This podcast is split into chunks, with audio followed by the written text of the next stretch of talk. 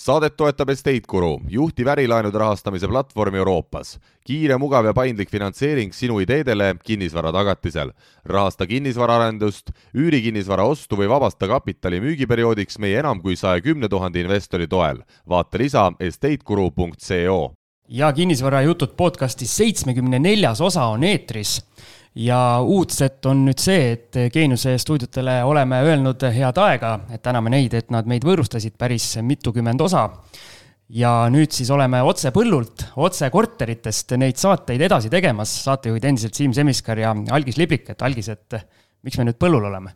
tere minu poolt ka, no ega vaata, eks ta ole niimoodi, et ega ükskord tuleb see lagi ette, on ju, et aeg on edasi liikuda ja no kui sa oled juba seitsekümmend neljas osa, on ju, noh siis kuskilt peab ju arenema, nii et tulime püünelt rahva sekka. just, äh, ma tahtsin ka selle rahva sekka väljendi tuua, et äh, algisel on aeg sealt nii-öelda kõrgelt kõrgelt alla Kõrge tulla. kõrgelt alla tulla ja vaadata, kuidas lihtrahvas elab ja ei, mulle väga meeldib, nii et, et palju kuidagi kodusem, hubasem, mõnusam, et ainult äh, kohvi ei ole. köögilaua taga istume. Siim seda peab parandama, kohvi ja kohvi ei ole ja, ja laud on katmata ikka. vaat nüüd äh, kõikideks osadeks ette ära, et kuna mina tulen suure pappkastiga kogu tehnikaga, siis kõik kohvid, küpsised ja kõik muud järgmine kord jäävad algise, algise hingele. jah, üritan parandada ennast. nii, aga me ei ole mitte siin kahekesi lobisemas täna, nagu tavaks on vaid meil on külas ettevõtte Rendin kaasasutaja ja juht Alain Aun. tere, Alain! tere! et eh, meil ühes saates on eh, Rendinist juba juttu olnud, see oli, see oli circa umbes aasta, aasta tagasi. aasta tagasi, eks. ma mäletan, ma olin seal kuulsas Kehra korteris eh, koroonavangis või koroonalõksus. see oli ainuke tegemas. saade, kui sind ei olnud laivis koha peal. me tegime kaks salvestust jutti seal minu meelest. see oli saade number kakskümmend kuus, et kes tänast saadet kuulab, siis tasub kindlasti aastatagust saadet ka kuulata, et, seal rääkisime hästi palju võib-olla sellest taustaloost üldse, kust see mõte tuli ja, ja kõik need asjad, et, et saab võib-olla sellist üldisemat poolt täna äh, üritaks kaevata siis äh, rohkem sisse, et mis see teenus endast kujutab ja, ja miks seda kasutada võiks. just, ja nüüd põhjus on hästi praktiline, kuna mina nüüd lõpuks sain ka oma selle viimase Keila korteriga nii kaugele, et hakkasin Rendinit kasutama ja. viimane eestlane, kes hakkas kasutama noh, Siim on aeglane. just, aga mulle meeldibki olla viimane igas asjas. aga seoses sellega mitmeid küsimusi ja muidu ka äh, on nii-öelda endiselt, endiselt palju asju õhus, et kuidas ikkagi kõige parem seda Rendini teenust oleks kasutada, aga hakkame kõigepealt pihta, Lain, et kust see Rendini nimi tuleb, et natuke segadust tekitav, on see eesti keeles, inglise keeles, mida see kõik tähendab? jaa, tõsi, ta eesti keeles on natukene segadust tekitav, kuna me toimetame, toimetame üüriturul äh,, aga justkui nagu tuleks äh, rendin sõnast äh, rentimine mis siis on nagu ühest küljest tõsi, sest ta tuleb ingliskeelsest. Ehk äh, rent ja teine pool on insurance ehk me olemegi siis ehitamas, äh, siis ingliskeelses maailmas on selle asja nimi äh, embedded insurance, mis tähendab, et me ehitame toodet, kuhu kindlustus on sisse implementeeritud nagu igasse ossa. et, et me ei müü eraldi kindlustust, vaid me ehitame maailma turvalisemat üürilepingu kogemust. oh, väga hea, et tegelikult mul oligi kohe küsimus siia otsa, et et kui on noh, need uuemad kuulajad, kes võib-olla seda eelmise aasta saadet ei ole jõudnud veel kuulata, siis, siis ma tegelikult tahtsingi küsida, et, et teeks võib-olla väikese meeldetuletuse selle koha pealt ka lihtsalt, et, et kust üldse tuli see mõte sellist asja tegema hakata ja mis see probleem on, mida te siis täna kinnisvaraturul lahendate? Ma päris aus olla, ma ei ole seda eelmist saadet kuulanud, ehk et võib juhtuda nüüd, et ma räägin hoopis teistsuguse loo kui Maiko eelmine kord. siis iga... saate omavahel arutada, et kummal paremini välja tuli. ja, aga igal juhul lugu järgmine, ehk et äh, kuidagi elu viis meid äh, kokku kindlustusega, et me tegime muidu Maikoga ennem sellist asja nagu elamuslabor. see oli siis äh, tarkadele äh, meeskondadele mõeldud koolitus- ja team building keskus äh, meie põhilised kliendid olid siis startup'id, äh, Starship'id, Pipedrive'id ja, ja nii edasi, äh, aga mingil hetkel hakkasid meie juurde tulema ka klassikalised äh, korporatsioonid. et niimoodi me saime kokku kindlustusega ja kuidagi läks elu nii, et, et suht pool aastat me tegime koos erinevaid projekte ja, ja väga nagu süvitsi siis nagu läksime, et, et mis üldse kindlustuses toimub ja, ja nii edasi, nii edasi, et kuidagi sealt hakkas see idee rulluma aga startup'ini me jõudsime siis, kui me nagu mõistsime, et äh, kindlustus nagu klassikalisel äh, moel ei ole mõeldud ja, ja ei saa ka lahendada seda, seda probleemi, ehk et nagu noh, me olime juba otsapidi nagu siis mõtetega nagu üüriturul sees. aga me saime aru, et, et seda on, kindlustust on võimalik kasutada väga hea tööriistana, et lahendada päriselulisi probleeme üritan aga nagu hästi, hästi lihtsalt ära selgitada, ehk et, et kui kindlustus on enamikus mõeldud mingite õnnetusjuhtumite kindlustamiseks. ehk et siis ma ei tea, kaks autot põrkavad kokku, keegi kukub, midagi murrab, midagi põleb ja, ja nii edasi, siis sa saad äh, mõõta ära selle kahju ja teha väljamakse äh, sa tead äh, siis nagu varasemate perioodide põhjal, kui tihti mingi, mingi, mingi asi juhtub. selle põhjal sa saad seda siis nagu hinnastada ja anda mingeid katteid. üüri puhul on peaaegu alati siis kindlustusjuhtum protsess. ehk kui üürnik ei maksa omanikule raha täna, siis see on justkui nagu kindlustusjuhtum, aga ta ei maksa ka homme ja ülehomme ja kahe nädala pärast ja kahe kuu pärast. ja paralleelselt on seal võib-olla mingi, ma ei tea, mingid kolimise, koristamise, remondiga igasugused äh, asjad toimumas. Et äh, sellepärast ongi, et me ehitame äh, siis üürilepingut kui juhitud protsessi. kui on probleem, siis esiteks meie see protsess peaks nagu ehitama või siis pakkuma preventsiooni enamikele juhtudele. me teame täna, et, et umbes pooled siis case idest, mis potentsiaalselt võiks muutuda kindlustusjuhtumiks ja rahaliseks kahjuks, need me suudame siis lahendada ilma otseste väljamakseteta. Ja teiste puhul me suudame seda probleemi siis lahendada nii kiiresti kui võimalik, nii lihtsalt kui võimalik, nii väikeste kuludega kui võimalik, ehk et see lõpuks see kadu on nagu minimaalne. see on ka ainukene põhjus, mikspärast me täna oleme võimelised pakkuma toodet, mis ütleb, et, et me anname sada korda suurema kaitse kui turustandard siis tagatisraha Siim, kui sul on sada korda suurem kaitse kui tavaline tagatisraha, kuidas on nii, et sa alles nüüd tegid esimese lepingu? see on hea küsimus see ongi see, et eh, harjumuse jõud on eh, hästi suur ja mina oma sellest viimasest kogemusest eh, oskan ka just seda pajatada, et et kõige keerulisem selle asja juures on üürnikule selgeks teha.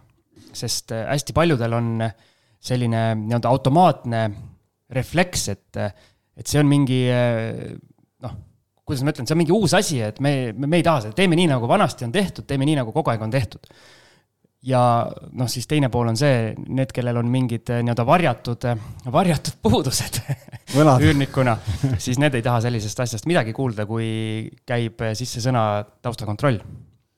no huvitav on see tegelikult ja, et, et noh, Siim võib-olla saab oma sellest kogemusest natukene hiljem võib-olla siin saate sees nagu rohkem rääkida, aga aga huvitav on jah see, et ma ei tea siis, kas tänaseni ikkagi omanikud ise, kes otse üürivad, ei tee taustakontrolli või, või kuidas need inimesed nagu üldse üritavad üldse korterit üürida täna, kui neil on mingi kehtivad mingid häired või asjad üleval, et, et ma saan aru, Siimul oli veel eriti no, tummine, tummine näide. mul oli Keilas jah korter või nii-öelda on nüüd Keilas korter, mis on madalama otsa korter, üüris, nii-öelda üüri, üürisumma circa kolmsada eurot ja mul kaheteistkümnest esimesest huvilisest kaksteist olid maksehäiretega ja üks üritas Rendinis panna veel nii-öelda valeinfo ka üritas sealt läbi saada. süsteemi petta. just, et sellest me ilmselt täna saame ka rääkida, aga ja üritas pääseda sellega, et kui ma ütlesin, et palun pane nii-öelda täisinformatsioon, nagu seal nõutud on, siis pani eesnime ja, ja vist mingi vale aadressi või midagi, ühesõnaga mingid jamad seal olid.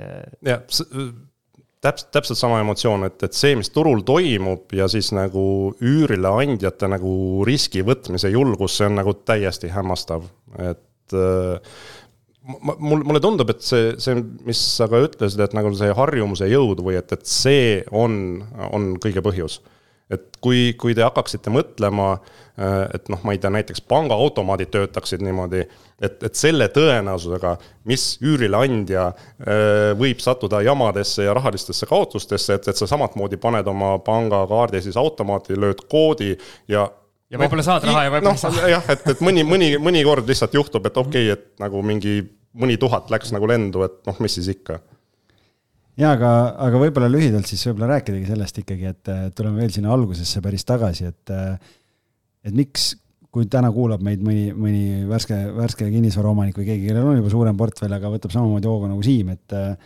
et äh, miks peaks üürikorteri omanik üldse üürilepingu läbi rendini platvormi sõlmima, sest sa ütlesid ühe asjana, ütlesid, et on äh, sada korda suurem kaitse. mida see reaalselt tähendab, kui nüüd Siimul oli see kolmesaja eurone korter ehk et sa ütled, et saja, sajakordne, et siis on kolmkümmend tuhat justkui oleks see kaitse, mida see tähendab? esimene, esimene kõige tähtsam asi on see, et äh, Siimu üürileandja ei ole üksinda probleemidega. kui, kui miskit Äh, juhtub, üürnik ei maksa üüri, kommunaale, mingit, ma ei tea, lepingu lõpetamise, ennetähtaegse väljakolimise, varakahjudega, mida, midagi on, siis palun andke meile teada, me aitame, me ise lahendame, me suuname, me teeme kõik äh, võimalikud äh, sammud, mis on tarvis äh, teha õigel hetkel ja õiges vormis. ehk et kui, kui asjad peaksid minema nagu päris, päris kehvaks, liigume sinna mingi müütilise ja samas väga reaalse puuküürniku suunas, siis meie selline juriidiline kiht noh, kaitseb ja, ja, ja garanteerib, et, et et iga asi laheneb jällegi nagu nii kiiresti, kui see üldse võimalik on.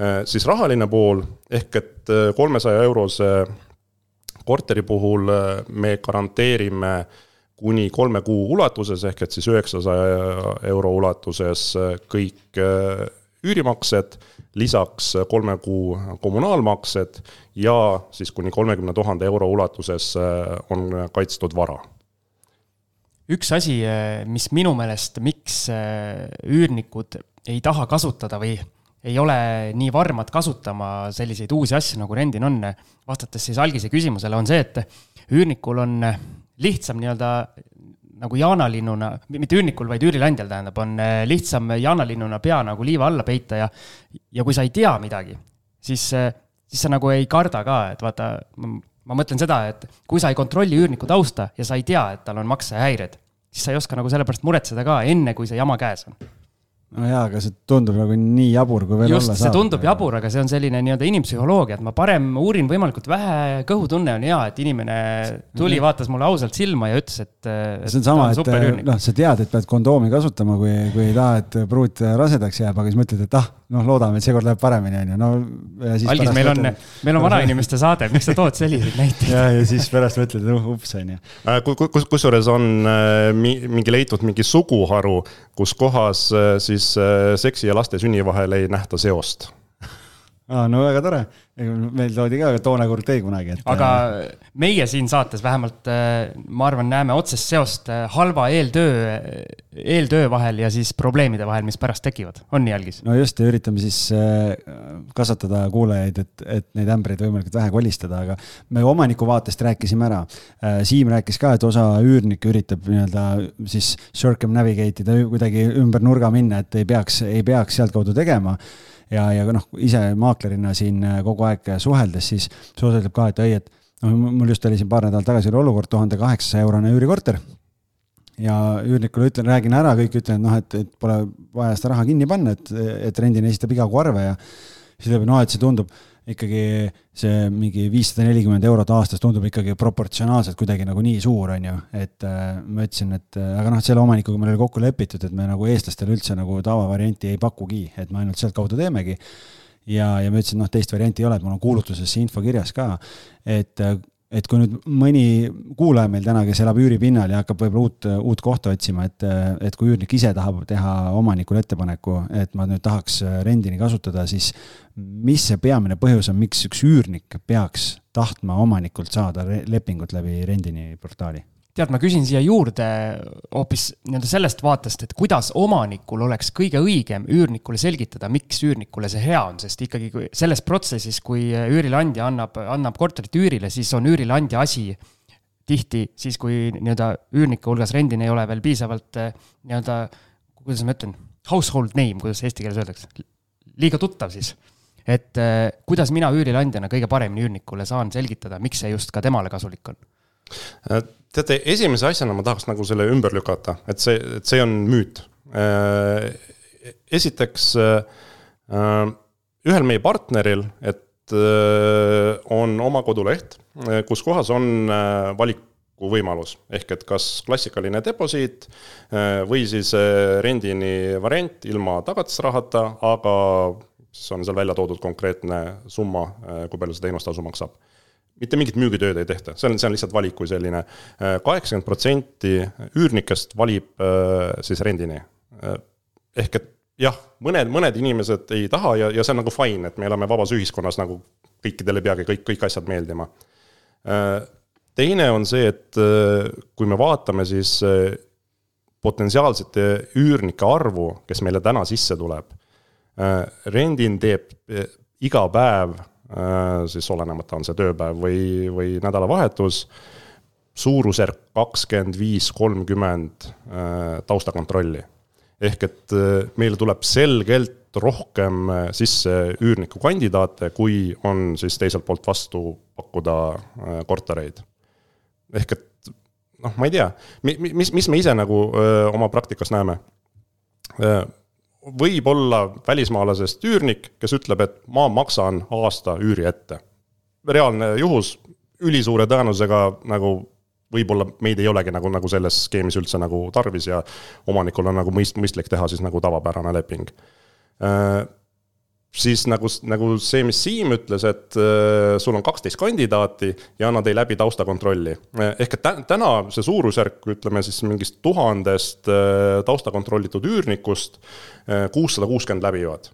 see, see on umbes see proportsioon, ehk et nagu, nagu üks kolmandik jääb, jääb ukse taga selle kahe aastaga, mis me turul oleme, me oleme siis seda scoring mehhanismi väga-väga palju timminud, ehk et noh, nii nagu alguses me nagu tulime null, nulllepinguga ja, ja hakkasime toimetama, et, et ega me ka täpselt ei teadnud ja noh, kus, millised riskid on ja, ja nii edasi, siis nagu täna me teame ikkagi nagu ülisuurt osa, keda me võime läbi lasta, keda me kindlasti ei või ja siis kellesse me nagu vaatame nagu sügavamalt äh, sisse see, see ei olnud nüüd küll vastus, aga, aga, aga nagu selgitus. aga üks kolmandik on need, kes ei läbi, et tegelikult see on ikka jõhker suur protsent nagu. ma siia vahele ütlen, see minu kaksteist äh, oli niimoodi, et ma mingil hetkel üsna alguses juba hakkasin telefonis küsima, et kas teil on maksehäired üleval, et kui on, siis, äh, siis kahjuks üürida ei saa seda korterit ja ja sinna kaheteist hulka lähevad kõik need, kes ütlesid mulle jah, et, et mul on maksehäired, et siis. kaks, kaks asja, mis mul jäi võib-olla siin sinu, Alain, sinu jutust jäi nagu või kergitas nagu küsimused, et mulle tundub seda, et äh, eriti just äh, kuna minul on ka neid kallima otsa kortereid, äh, siis mulle tundub, et just nagu see jõukam kliendisegment, ma ei tea, kas seal on nagu ego küsimus või, või ongi see noh, teadmine, et aa ei, et noh, et see ja seal on tõenäoliselt ka see, et nende elu on nii mugav, äh, et nad ei viitsi mingite täiendavate arvete maksmisega reaalselt tegeleda, ütlevad, ai, ma ei noh, ma hea meelega maksan selle tagatise. et äh, aga minu, mina kui nagu maaklerina ja kuna meil on haldusettevõte, siis me oleme nagu ka omaniku positsioonil ju tegelikult, kuna me oleme volitatud üürnikke valima ja lepinguid tegema siis kui mina nagu üürnikega suhtlen, siis, siis mulle tund- või mina nagu pigem ei, ei kardagi nagu seda, et nad jäävad võlgu vaid pigem mulle tundub, et nagu see suurem, suurem äh, point on see, see võimalike jageluste ärajäämine, kui on mingid kahjud korteris. et see on see, mille pärast see nagu deposiiti võiks nagu äh, ju asendada. mitte sellepärast, et äkki üürnik jääb ühe või kaks kuud võlgu, vaid sellepärast, et kui on mingi jama, et siis me teame, et seal on see, see kaitse ja, ja kate on nagu olemas, et, et mulle nagu tundub see, et et väga paljudel on see, et ah, ei, et, et noh, teeme niisama, kas, kas niisama ka saab, võib-olla sellepärast, et nad ei viitsi lihtsalt mingi täiendava arve maksmisega mm. tegeleda. et see on nagu see point. jah, aga nagu omaniku seisukohast, no e-, esiteks, mis ma tahaks öelda, on, et äh, taustakontroll on ülitähtis, aga see ei ole võluvits ehk et äh, me lõikame täna välja siis turu kõige suurema riski, aga ja, ja, ja riskid on nagu, nagu selgelt nagu sellised suuremad ja keerulisemad, kui, kui lihtsalt, et vaadata, et kas inimesel on täna maksehäire. Esiteks on see, et tal võivad olla rahalised probleemid, aga need pole veel jõudnud kuskile avalikesse registritesse. teiseks on see, et, et võib-olla tal täna on kõik hästi, aga poole aasta pärast kaotab töö ja jumal teab mis.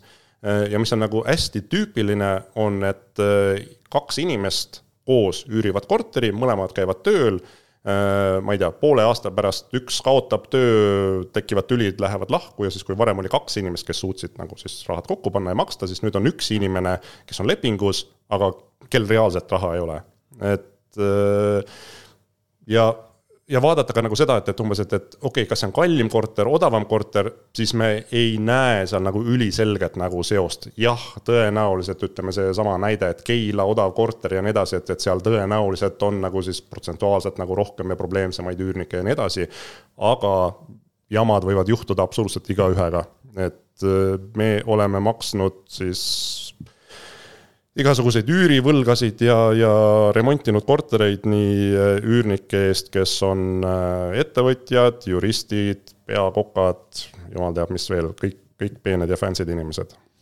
üks küsimus, pärast saame nendest olukordadest, võib-olla räägime äkki Siim saate teises pooles äh, rohkem, et üks küsimus mul tekkis veel, sa ütlesid, et võib-olla välismaalane maksab aasta ette, et just jälle, kuna, kuna need, ma näen selgelt neid nii-öelda kallimad äh, otsakorterid või, või noh, nii-öelda, et sinna on rohkem välismaalasi, sellepärast et välismaalt tulnud IT-spetsialistidel on lihtsalt äh, suuremad palgad et siis nende puhul on see, et nendega ei saa seda teha äh, teie kaudu lepingut, sellepärast seal on, noh, minu arusaamise järgi on kaks põhjust, et siis sa saad võib-olla kommenteerida, et mis see taust on seal taga.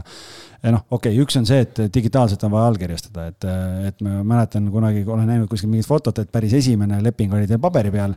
aga täna on see ju kõik allkirjastatult ja kui on uus IT-spetsialist tuleb Eestisse, siis ta ei saa digitaalselt allkirjastada, tal ei ole lihtsalt veel seda, seda ID-kaarti. ja, ja teine asi on see, et, et ma olen aru saanud see, et on teatav krediidi ajalugu peab olema, et kui kaua see välismaalane peab olema Eestis elanud, et kui ma tahan nüüd teda üürnikuks valida ja teie kaudu lepingu teha, et ma tean, et ta läbib selle taustakontrolli mm.. okei okay., algis, sa oled täiesti valesti aru saanud. jess, väga hea, näed, ma saan ka targemaks, väga hea. siin ei ole midagi hea, uut. väga hea uh,. okei okay,, selle küsi-, küsimuse siis või väite tagu, tagumine ots uh,. jah, kui välismaalane Eestis natukene aega elab, mõned kuud, tal on uh,, ma ei tea, Telia, Elisa telefon ja, ja nii edasi, siis ta läbib täpselt samamoodi nagu kõik teised äh, siis selle automaatkontrolli ja tõenäoliselt on nagu kõik, kõik hästi. kui ta on tulnud kolm nädalat tagasi, tal on kui, juba kui kohalik on, number olemas äh,? ei äh,, see, see on siis, kui ta on nagu mõnda, mõned kuud elanud. kust, ma mõtlen just mõtlesin, kust see piir jah, läheb. Äh, kui ta on täiesti uus inimene, äh, siis äh, noh, tihti, tihti on see, et, et äh, nendel inimestel on, või ütleme reeglina, nendel inimestel on olemas juba isikukood. aga ta on siis sellises nagu arhiveeritud seisus, et neil ei ole äh, veel ID-kaarti ja nad ei saa digiallkirjastada no,. oot, sorry, ma segan vahele, et seal ongi, asi ongi selles, et nüüd Siimast tuleb Leedust, on ju. -hmm ja, ja ta tuleb siia ja tal on see reeglina, nad saavad kohe omale isi, selle isikukoodi saavad kätte. aga selleks, et nad saaksid omale siin elamisload või, või, või nagu selle, neil on vaja üürilepingut Jab. ja neil on vaja sissekirjutust. siis nad äh, saavad, aga, aga see ongi siis see. Nad saa-, siis äh, kas sina või, või äh, see üürnik ise võtab meiega ühendust. me palume ta dokumendi koopiat, palume töölepingut vaatame sisse ja kui sa rääkisid siin IT-inimestest, siis noh, praktiliselt sada protsenti me laseme läbi ja allkirjastamine toimub siis mitte äh, Eesti Docubitiga, vaid see on äh, teine digitaalne siis allkirjaplatvorm.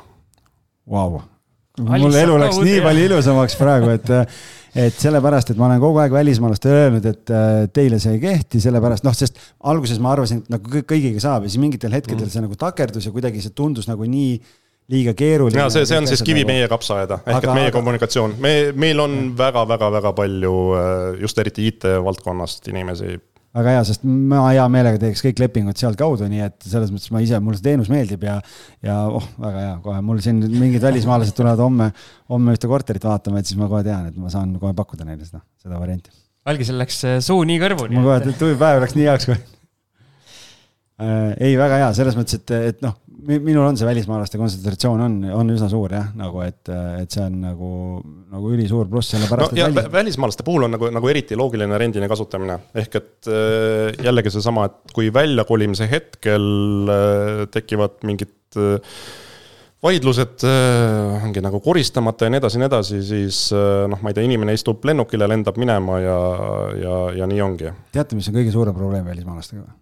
Kui on ja, ja see on hea küsimus tegelikult, et kuidas teie seda siis lahendate, et ähm, täna kõige suurem probleem, äh, millele me nüüd oleme oma sees leidnud protsesse muutes lahenduse, äh, aga lihtsalt, et kui teie kaudu lepinguid teha, kui välismaalane kolib ära, ta, ta on hea üürnik selles mõttes, et tal on raha, ta maksab kõik asjad, mingeid probleeme ei ole.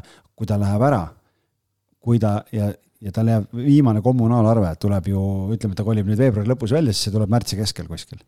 Ja kui ta kolib kuskile Hispaaniasse tagasi või läheb kuskile ära Lõuna-Ameerikasse, no sa ei saa teda kätte enam, ta ei vasta su meilidele ja need viimased arved kipuvad jääma võlgu. noh, nüüd me oleme ära lahendanud, et ta maksab kõik asjad enne ära. kui ta ära läheb, et teeme lisaarve selle eest kuidagi seal nii-öelda lepime kokku. aga kui ta läheb ära ja jääb võlgu, no te ei saa ju teda kätte, see, see on ju teie jaoks päris suur risk. jah, nii, nii on, et äh, siin, siin me jõuame nagu siis üldse riskideni äh, selles üüri äh,, üürilepingu kestel ja äh, hästi palju sõltub inimesest. ehk et meil on positiivseid näiteid välismaalastega, kus inimene, kes, kellel on raha otsa saanud, on Eestist ära kolinud ja on tasunud hiljem võlgu meile Nigeeriast see kõlab natukene nagu anekdoot, aga, aga, aga, aga, aga see, aga see on nagu täielik reaalsus. ja, ja siis jällegi see teine mingi inimene, kes võib üürida väga kalli korteri, olla väga hea ametiga, ilusa naeratuse ja, ja hea jutuga, noh, siis ongi, et ta näiteks kolib ära ja tal viimane arve jääb maksmata ja siis ta on selline nojah, et aga te mind kätte ei saa, et mis mis te ikka teha saate. just, just nimelt, eks ju. et see, see on osa meie äririskidest ja noh, see puudutab siis nagu ongi inimkäitumist ja sihukest behavioral economics äh, äh, valdkonda puudutavaid asju, millega me hästi palju tegeleme kui me räägime sellest välismaalasest, sa ütlesid, et eh, IT-inimestega suurt probleemi ei ole, kui te töölepingut näete, ilmselt see palganumber on eh, nii mõnus, et seda kõik eestlased tahaks endale ka. aga kui me räägime sellisest nii-öelda Ukraina töölisest, kes tuleb eh, sellist. või kullerist näiteks. või kullerist jah, tuleb sellist nii-öelda keskmist tööd tegema, okei okay,, ja nii-öelda Bolti kulleritel ju mingit töölepingut kui sellist ei olegi, et. Nad on FIE-d Nad on FIE-d? jaa, nad, nad okay. peavad osutama teenust no, mina, juriidilise keha alt. ma seda valdkonda ei tea, vabandust. mul on ühe kulleriga on leping, et kuidas nagu need situatsioonid, et ma siis küsin lühemalt, et esiteks, kas seal on mingi palgavahemik, kust alates te lasete ja, läbi? jaa, kaht-, kahtlemata, et äh, ikkagi välismaalaste puhul, kes just Eestis alustavad, siis me vaatame noh, ongi, et mis, mis nende sissetulekud on, äh, kui suur tõenäosus on, et, et nendel on töö ka mingi poole aasta pärast äh, ja mis hinnaklassis nad tahavad siis korterit üürida. ehk, ehk et okei okay,, ja mis puudutab näiteks siis ehitajaid, siis tihti soovitakse tegelikult majutada brigaade mida me kahjuks nagu ei saa lubada, me, me, me teame, et, et on äh, mõned inimesed ära häkkinud mõned, mõned case'id meil ehk et kus, ma ei tea, Eesti brigadir siis võtab enda nimele, aga noh, ta peab nagu aru saama, et ta äh, ainuisikuliselt vastutab siis nagu kõige selle eest ja selgelt, et kui seal mingi elab, ma ei tea, kahekümnel ruutmeetril kuus inimest, et siis amortisatsioonid ja kõik asjad on nagu hoopis teistsugused. siis pärast on kakskümmend kaks ruutmeetrit kahekümnest saanud ei noh, selles mõttes on äh, jah, ja tegelikult on see ju üürilepingu otsene rikkumine, kui sa majutad rohkem inimesi. see, see on, see on tõsi. Nagu, aga need kullerid FIE-dena? Äh, ma pakuks, et ka, et äh, enamikule me oleme ei öelnud sest noh, see on tõesti, et me oleme kaks aastat turul, me oleme nagu väga-väga kaugele arenenud riskide mõistmises, nende juhtimises ja nii edasi. aga me anname endale väga selgelt aru, et, et ikkagi praegu me oleme nagu oma teekonna alguses ja noh, et, et me ei suuda kõike nagu hoomata ja kontrollida, et. on sul, Algis, praegu küsimusi? minul üks on. no küsi. mul on see küsimus, et räägime siis numbritest ka, et kui palju eh, ma ei tea, millest te mõõdate, üürilepingute arvu, üürnike arvu või eh, mismoodi, mismoodi teie oma neid numbreid, eh, numbreid vaatate, kui palju rendinit Eestis kasutatakse mm.? Me oleme siis äh, või meie platvormil on sõlmitud üle tuhande kuuesaja üürilepingu. Äh, praegu me kasvame suurusjärk äh, neli üürilepingut päevas. ja me näeme, et, et see on nagu, nagu väga-väga selgelt kasvav trend, et me usume, et, et kuskil aasta pärast me oleme tegelikult siis noh, turustandard ehk et, et enamik äh, üürilepinguid peaks käima läbi meie. okei okay,, aga mis see turuosa Eestis on, te kindlasti olete neid arvutusi teinud, mis üt-, ütle, ütle, kui palju äh, kuus sõlmitakse uusi lepinguid Eestis? mina ei tea, Algis teab? no ma mõtlen niimoodi, et jube keeruline hinnata, ma mõtlen, Tallinnas on sihuke tuhat kuni tuhat kakssada pakkumist konstantselt on turul kogu aeg, et noh, me ei tea, kui palju neid üüritehinguid sealt ära läheb. noh, võib-olla, võib-olla paarsada, on ju et äh, läheb ja tuleb, läheb ja tuleb, on ju, ma ei tea, paarkümmend protsenti et, et kui sa nii võtad ja sealt neli lepingut tuleb päevas. noh, see on sada kakskümmend, kui on tuhat kakssada ja sada kakskümmend, siis on nagu üsna, üsna suur juba ports. jah, et see on päris arvestatav, arvestatav hulk. ei no ma mõtlen. no ja, ja kui, ja kui, kui te mõtlete nagu, nagu niipidi, et, et kui me teeme päevas, no ütleme, ma vaatasin lihtsalt enne siia tulekut numbritesse sisse. meie, meie andmete pool on hästi tugev, meil on andmeteadlane, üks, üks meie meeskonna osasid Äh, siis selle aasta jooksul täiesti uued inimesed, ehk et äh, pooleteist kuu jooksul suures plaanis me oleme teinud tuhande kahesajale täiesti uuele üürnikule taustakontrolli. pluss siis need, need üürnikud, kes, kes on juba, juba meie keskkonnas ringi tiirutavad. aga saan ma siis aru, et see algise pakutud number oli enam-vähem õige? ei, ma ütlen, et see on täiesti, ma arvan, et see, ma hakkasin ise mõtlema, et see võib olla tegelikult väga mööda ka, ega ma ei oska hinnata, et ma ei tea, kas, kas sellist ma, infot üldse on. ma pakun, et tegelikult see number, number on ikkagi suurem äh, ja. see kakssada tundub vähe tegelikult, kui ma praegu hakkan mõtlema ikkagi, kui kui sa mõtled nagu kogu Tallinna peale, et, et. oot, sa rääkisid Tallinna numbrist, mitte Eesti numbrist? no selles mõttes, et ma ei tea, kui palju teil mujal Eestis oota, aga kakssada nagu... sa mõtlesid millena? kuus üüri, üüritehinguid, kui palju tehakse Tallinnas, mitu korterit üüritakse välja, kakssada tundub. kindlasti, kindlasti vähe. nagu kordades rohkem. tundub väga vähe. no Algis, sina oma parimatel kuudel annad kakssada. ei no ma just hakkasin, jaa, ma hakkasin pärast seda, kui ma ise ära mõtlesin, ma ütlesin, ma siin mingi eelmine aasta andsin mingi kolme kuuga andsin nagu tegin siin, saja päevaga tegin kolmkümmend lepingut, on ju no,. teised maaklerid teevad ka et noh, et, et ülejäänud just, et ülejäänud teevad ka ja omanikud ise ka. turg on tõsi, see on nagu ülimalt nagu killustunud, ehk et kui sa vaatad, et kui palju on siis äh, üüripakkumisi ja kui palju on Eestis aktiivseid maaklereid, et siis noh, enamik maaklereid teeb ikkagi nagu mingi üks, üks-kaks mingi üüritehingut kuus nagu.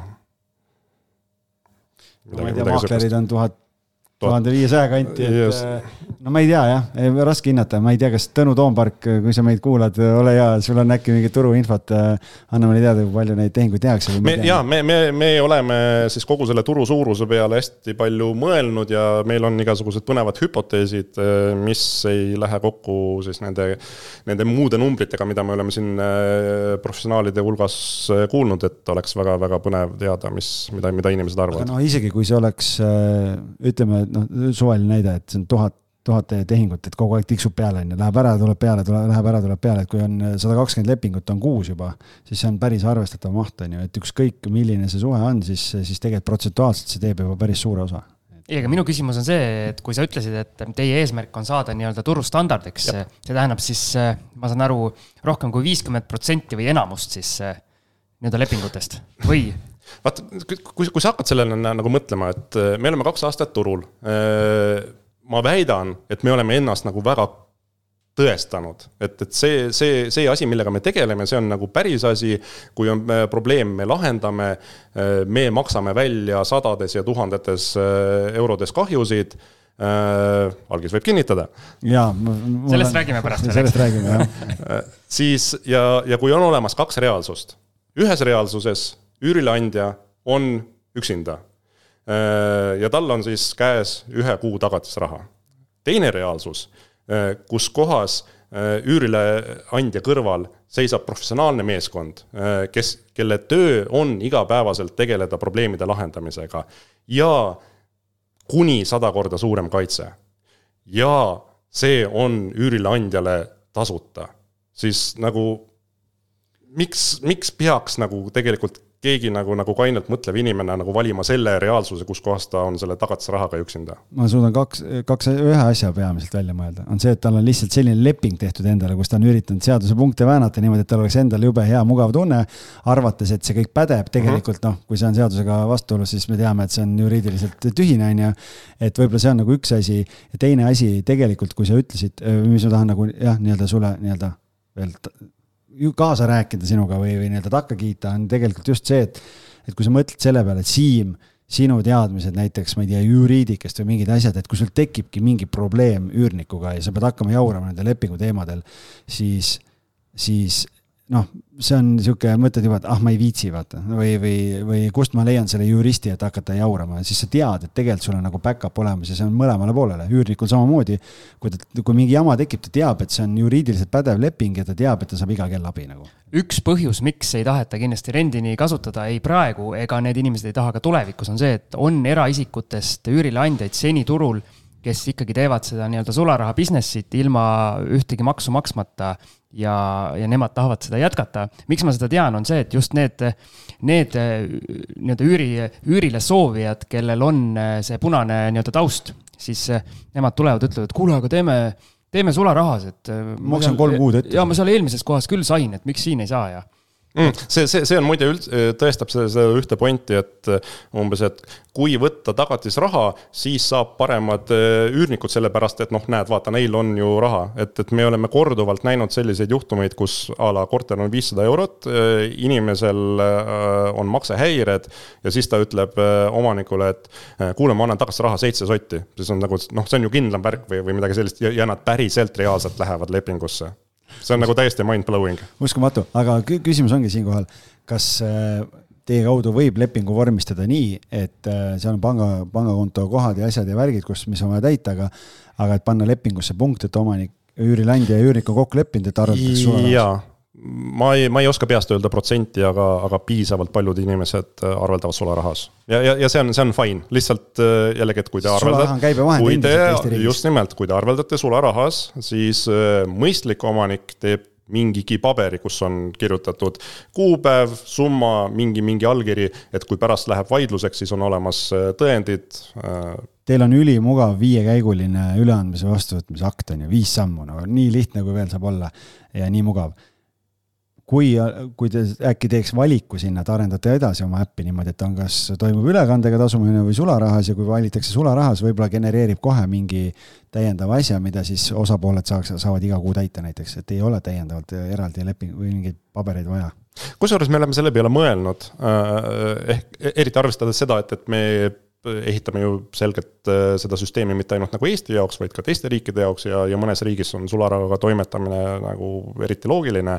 samas me ei ole näinud, et see on nagu praegu probleem, need, kes tahavad sularahaga toimetada, need, need toimetavad ja, ja pigem äh, kui nad nagu, nagu väga-väga mõtlevad, ma ei tea, maksude peale, siis pigem nad ei hakka kuskile äppi numbrit sisestama, vaid, äh, vaid nad oma märkmikuga toimetavad edasi. hea point, hea point ja ma selle sularaha nii-öelda toimetamise all mõtlesingi seda, mitte seda puhtalt, et nii-öelda sularahaga toimetamine vale oleks, vaid, vaid just seda, et see annab võimaluse siis nendele, kes tahavad neid hämaraid teid liikuda, siis see annab võimaluse, aga kui need igale poole jäljed maha jäävad, siis, siis on oluliselt keerulisem seda teha.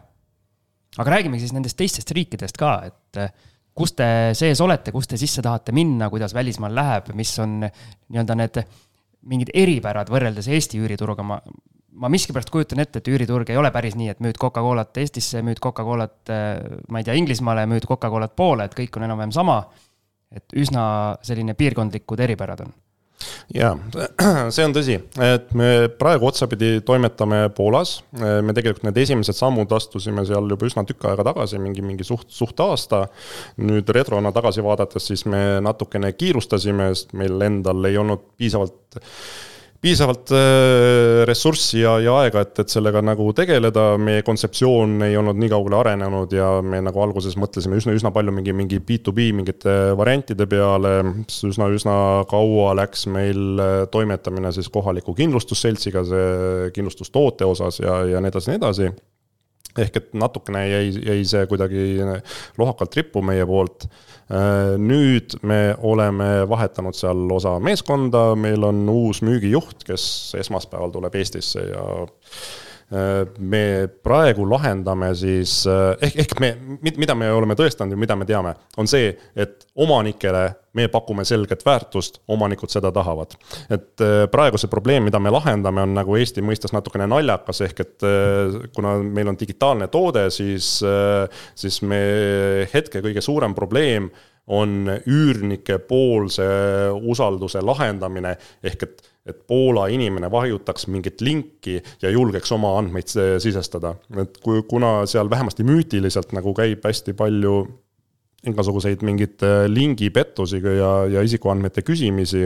ja siis ütleme, kui meie jaoks on isikukood selline hästi tavapärane asi, kuna, kuna meil on digiallkirjad ja me kogu aeg oma isikukoodi sisse toksime igale poole siis Poola analoogpesel äh, ei noh, et enamik inimesi ei tea seda, seda peast ja, ja nad nagu noh, pelgavad väga-väga seda kasutada, et äh, aga me näeme, et see turupotentsiaal seal on lihtsalt nagu meeletu noh, okei okay,, alust-, alustagem sellest, et, et, et see turg ise on mingi, mingi paarkümmend, kolmkümmend korda suurem kui, kui Eestis, aga, aga see vajadus või see probleem, mida me lahendame, siis see on nagu seal nagu kordi suurem. et mis, mis on nagu ühest küljest nagu naljakas, et me lahendame tegelikult usalduse probleemi ja, ja, ja praegu siis me peame nagu selle oma isikliku usalduse probleemi seal nagu lahendama, et hakata kõvasti kasvama. kui palju teil maailmas on nii-öelda sama kontseptsiooni lahendavad eh, nii-öelda rivaale, ütleme nii siis?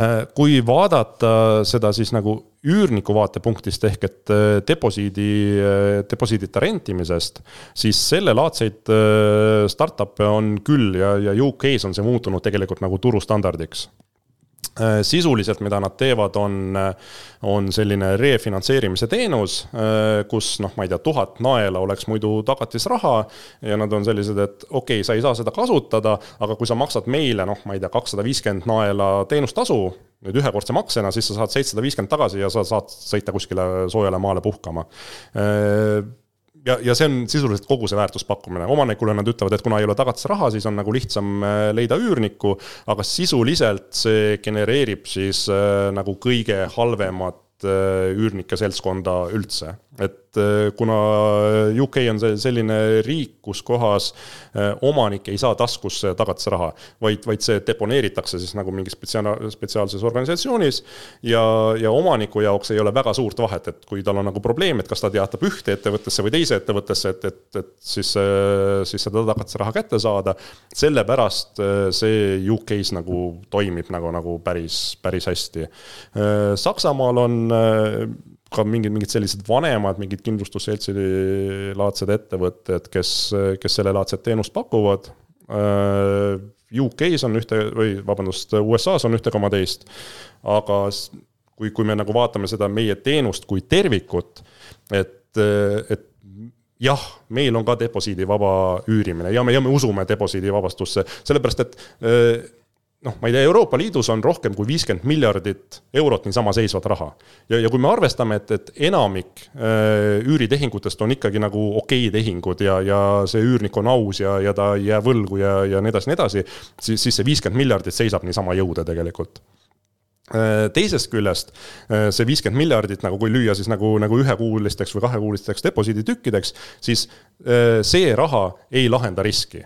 et Äh, kui me võtame selle riski poole, siis täiesti siiralt, äh, me ei ole leidnud mitte ühtegi teist ettevõtet maailmas, kes tegeleks äh, sellega. Nagu, nagu sellises, sellises mahus, sellisel kujul, kes ütleks, et me anname nii suure kaitse, mille eesmärk on tegelikult muuta seda situatsiooni turul, kus kohas nüüd kaks inimest, kes üksteist ei tunne, saavad üksteist usaldada et äh, kui, kui me vaatame näiteks äh, lühiajalist üüri Airbnb, siis noh, seal on nagu selge, eks ju, et, et sul on, sul on mingi nupp ja sa noh, tead, et ikka ülisuure tõenäosusega seal on olemas päris korter, kuhu sa saad minna. ja, ja see omanik võib olla kindel, et tuleb keegi, kes ülisuure tõenäosusega ei lagasta ta korterit ja ta saab selle raha et äh, pikaajalisel turul, kuna need riskid on nagu nii palju keerulisemad, äh, nad on seotud siis kohaliku seadusandlusega, igasuguste määrustega, kohtupraktikatega ja nii edasi, siis äh, seal usalduse saavutamine on nagu väga-väga pikk ja keeruline protsess. üliäge, üliäge, aga nüüd mina siia teen väikese, väikese pausi sisse ja kui me tagasi tuleme kõllilt, siis lähme vaatame natukene case study desse sisse, on nii, Algis? Ja vaatame. Algisel oli veepudel juba suus. ma just tahtsin hakata lonksu vett võtma, aga ma tahtsin öelda, et kõige, kõige põnevam osa alles tuleb, sellepärast et need on reaalsed äh, olukorrad elust enesest, kust ma arvan, kõikidel üürileandjatel on palju õppida. absoluutselt, tulge kohe tagasi.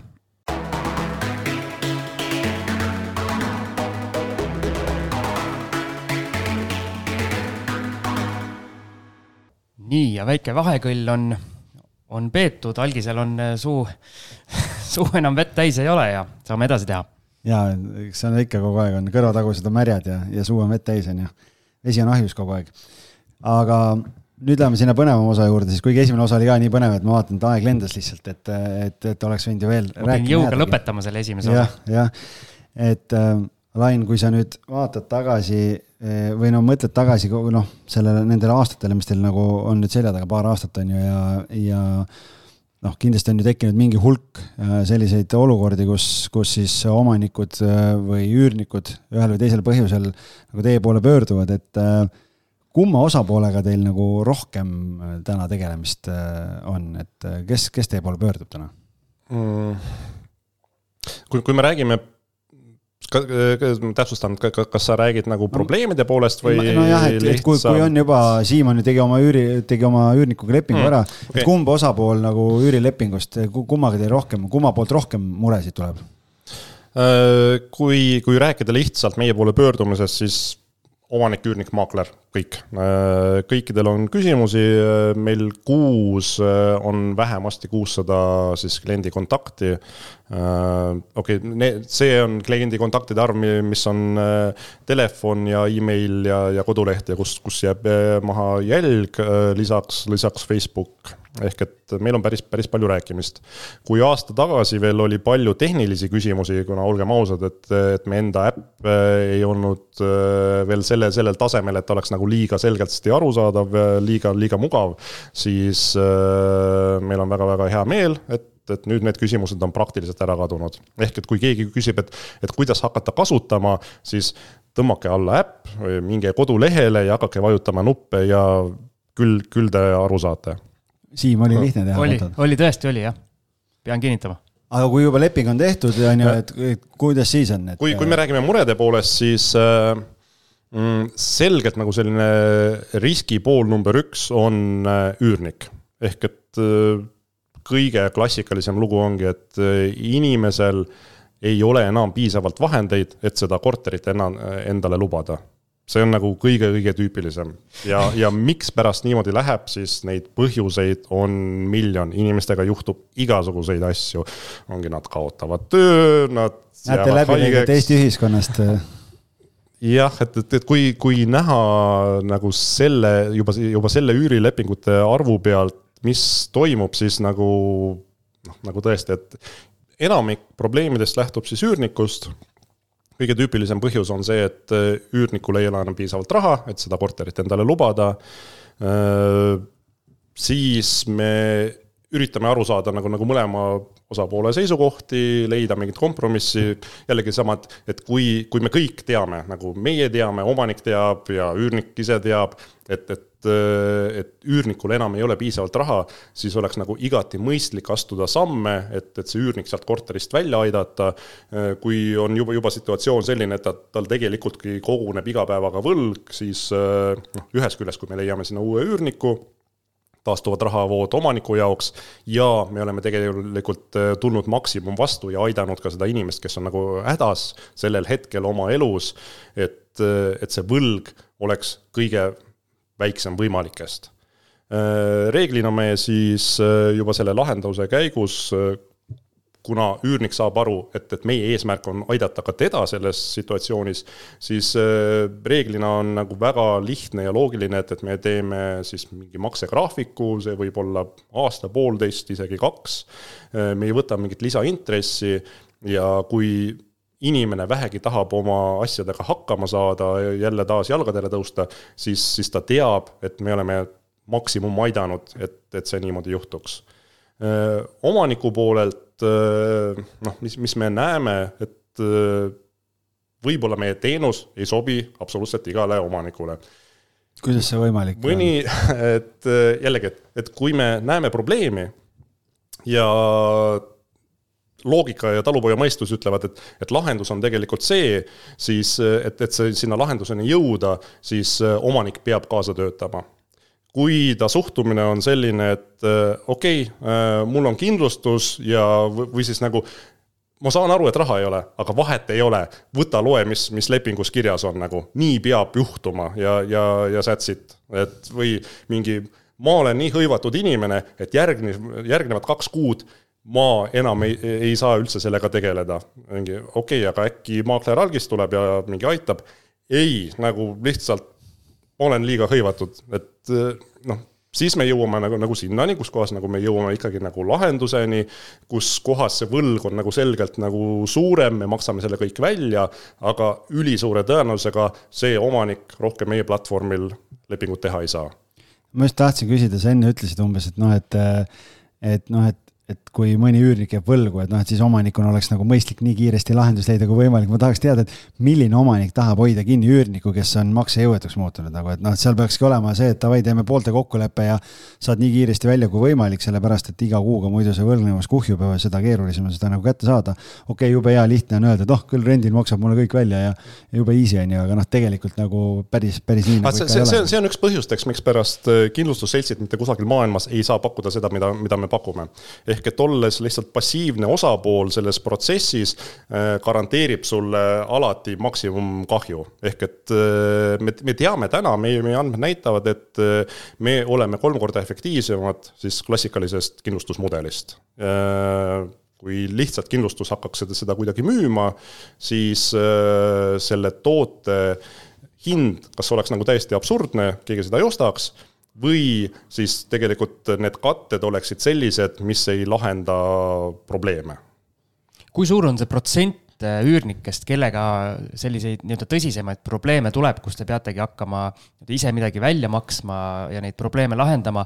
ja, ja sinna otsa teine küsimus, et kas te olete hiljem sellistel nii-öelda case idel teinud ka analüüsi, et vaadanud, et kas te oleksite nii-öelda preventatiivselt saanud kuidagi näha, et see isik võib olla probleemne, et on seal mingeid nii-öelda selliseid asju välja tulnud, mida hiljem olete saanud kasutada mm? -hmm. jah, me analüüsime pidevalt siis äh, oma juhtumeid, äh, ehk et see on tootearenduse osa, me jällegi, täna meil on meeskonnas seitseteist inimest mis on nagu ühest küljest nagu päris palju. me oleme tehnoloogiaettevõte, meil on äh, kuus tarkvarainseneri, siis teine tiim on, keda me kutsume või mida me kutsume solutions, mis äh, siis tiim, kes tegelebki probleemide lahendamise, customer support'iga ja, ja kõik ka claim handling'u ja debt collection'iga, kõikide selliste asjadega. Äh, aga kui vaadata siis nagu ütleme case idesse sisse, siis nagu et- või siis retrona tagasi näha, et okei okay,, et seda inimest me ei oleks tohtinud üldse sisse lasta, siis jah, see puudutab me, siis meie enda scoring ut, ehk et jällegi aasta tagasi me lasime selgelt rohkem üürnikke läbi kui täna. ma arvan, ma väidan kindlalt, et me Eestis kõige rohkem teame nagu preventsioonist, me kõige rohkem teame siis riskidest ja, ja keda, keda lasta, keda mitte. aga nagu ma ütlesin, et ka kõige parim äh, siis taustakontroll ei ole võimeline ette nägema tulevikku äh, ja, ja garanteerima, et midagi ei juhtu. Äh, umbes igal viiendal lõppenud lepingul on mingil määral mingi probleem, kus, mis, mis vajab kas selgitamist, noh, hästi-hästi suur roll on meil nagu, nagu selline justkui nagu ombudsmanina, et äh, üks osapool või teine osapool küsib, et kas seaduse järgi peaks niimoodi, mida peaks sellises situatsioonis tegema, kas see asi on äh, kindlustusjuhtum, mitte, saadame spetsialiste, vaatavad, hindavad hallitusi, mis iganes asju äh, ja siis pool, pooled nendest case idest lahenevad niimoodi, et mingeid väljamakseid ei toimu kümnel protsendil lõppenud lepingutest me reaalselt maksame välja raha. see on päris, päris suur ja samas on see, et kui me lõikame taustakontrollina välja ühe kolmandiku üürnikest, keda me nagu selgelt peame liiga riskantseteks, siis nagu küsimus, et mis noh, mis turul üldse toimub, et äh, kus, kusagil ma nägin ajakirjanduses jooksis läbi mõned aastad tagasi, äkki see oli vist äh, esimese partneri äh, juhi väide, et iga viies üürnik äh, jääb võlgu, lagastab, rikub midagi, midagi sellist, et ma ei ole näinud seda, aga ma ütlen, et hirmuäratavalt suur number oli see, mis sa ütlesid. kas mul on vale tunne, et äh, üsna suur osa nendest nii-öelda vaidlustest, mis võib tekkida, on seotud koristamisega, et üürnik arvab, et tema on korteri ülihästi ära koristanud ja omanik arvab teistmoodi? jaa, koristamine on probleem, aga koristamine on nagu, nagu omaette on nagu noh, selline suhteliselt nagu, nagu väikese mastaabiline probleem, eks ju, et noh, reeglina on mingi seal viiskümmend, sada, sada viiskümmend, kakssada eurot, mida, mida, midagi sellises, sellises mahus. ma ju, ma julgen pakkuda, et suurem diskussioon käib selle üle, mis on normaalne kulumine ja mis on üürniku tahtlikust tegevusest tekitatud kahju. ei ütleks jah, on, on küsimusi, aga jällegi sama, et, kui tekib vaidlus, siis äh, meil on ehitusspetsialistid, kes, kes käivad ja hindavad ja aga mis need vaidlused siis peamised on? mina ütlesin oma nii-öelda kogemusesse koristamise asi, mul on alati kuidagi, jääb nagu, jääb nagu rippuma, rippuma õhku tihti. algis vist ka siis oma, nii-öelda oma kogemusest käis selle välja, aga mis see mis see peamine äh, probleem on? kaks erinevat asja on, et mis, mis on nagu vaidlus ja mis asi on siis äh, väljamakse ehk et nagu, nagu otsene kindlustuskahju, eks ju. et äh, kindlustuskahjude ikkagi põhiline põhjus on äh, noh, number üks, et inimesel ei ole piisavalt raha ja tal reaalselt tekivad võlad. Äh, kui inimene on äh, rahahädas, siis reeglina see väljakolimine ei käi liiga kepsakalt, see inimene ei ole liiga terav pliiats välja mõtlema lahendusi, ta vajab käehoidmist. Äh, ja tal ei ole kuskile minna. ta, ta, tal, tal noh, jällegi, kui iga inimene nagu, kui vähegi nagu mõtleb ja tal on sõbrad, tuttavad, sugulased ja noh on kusagile kolida.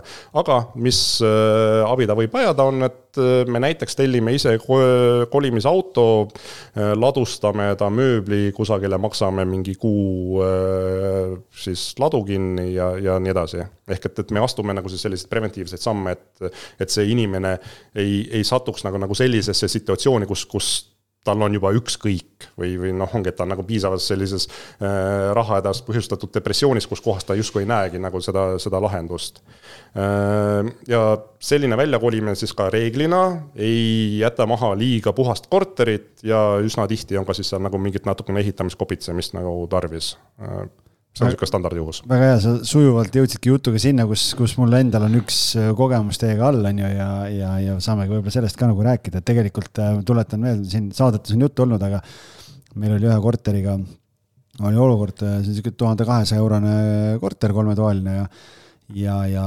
samamoodi taustakontroll tehtud, vaatad peale, korralik perekond on ju, kõik ettevõtjad, kõik, kõik on nagu tipp-topp aga, aga said nad vist kokku meil seal korteris olla, ma ei tea, viis või kuus kuud ja sellest äh, oli siis kaks kuud üürivõlga ja kolm kuud vist oli kommunaalivõlga ja ja seal oli ikkagi päris arvestatav äh, nii-öelda inimtegevusest tekitatud kahju ka korteris, mis ei olnud nagu pahatahtlik, aga lihtsalt elamisest, ma ei tea, kuidas, kuidas nii kiiresti saab, aga aga, aga see oli päris sihuke. kuidas nii kiiresti saab elada või? ei, kuidas nii, jah. ma, ma võin natuke, natuke selgitada, et ütleme siis äh, varakahjude teke tihti on nagu, nagu nii lihtne, banaalne ja, ja rumal, et noh, ongi, et ma ei tea, inimene kleebib midagi seina, äh, tõmbab pärast ära koos, koos tükivärviga mm.. liigutab mööblit ühest servast teise või ühest toaseinast teise ja siis mingi sinna jala alla satub mingi, mingi kruusatükk, kivikene ja uus parkett on nagu lihtsalt nagu üle põranda tõmmatud selline pikk jutt ja.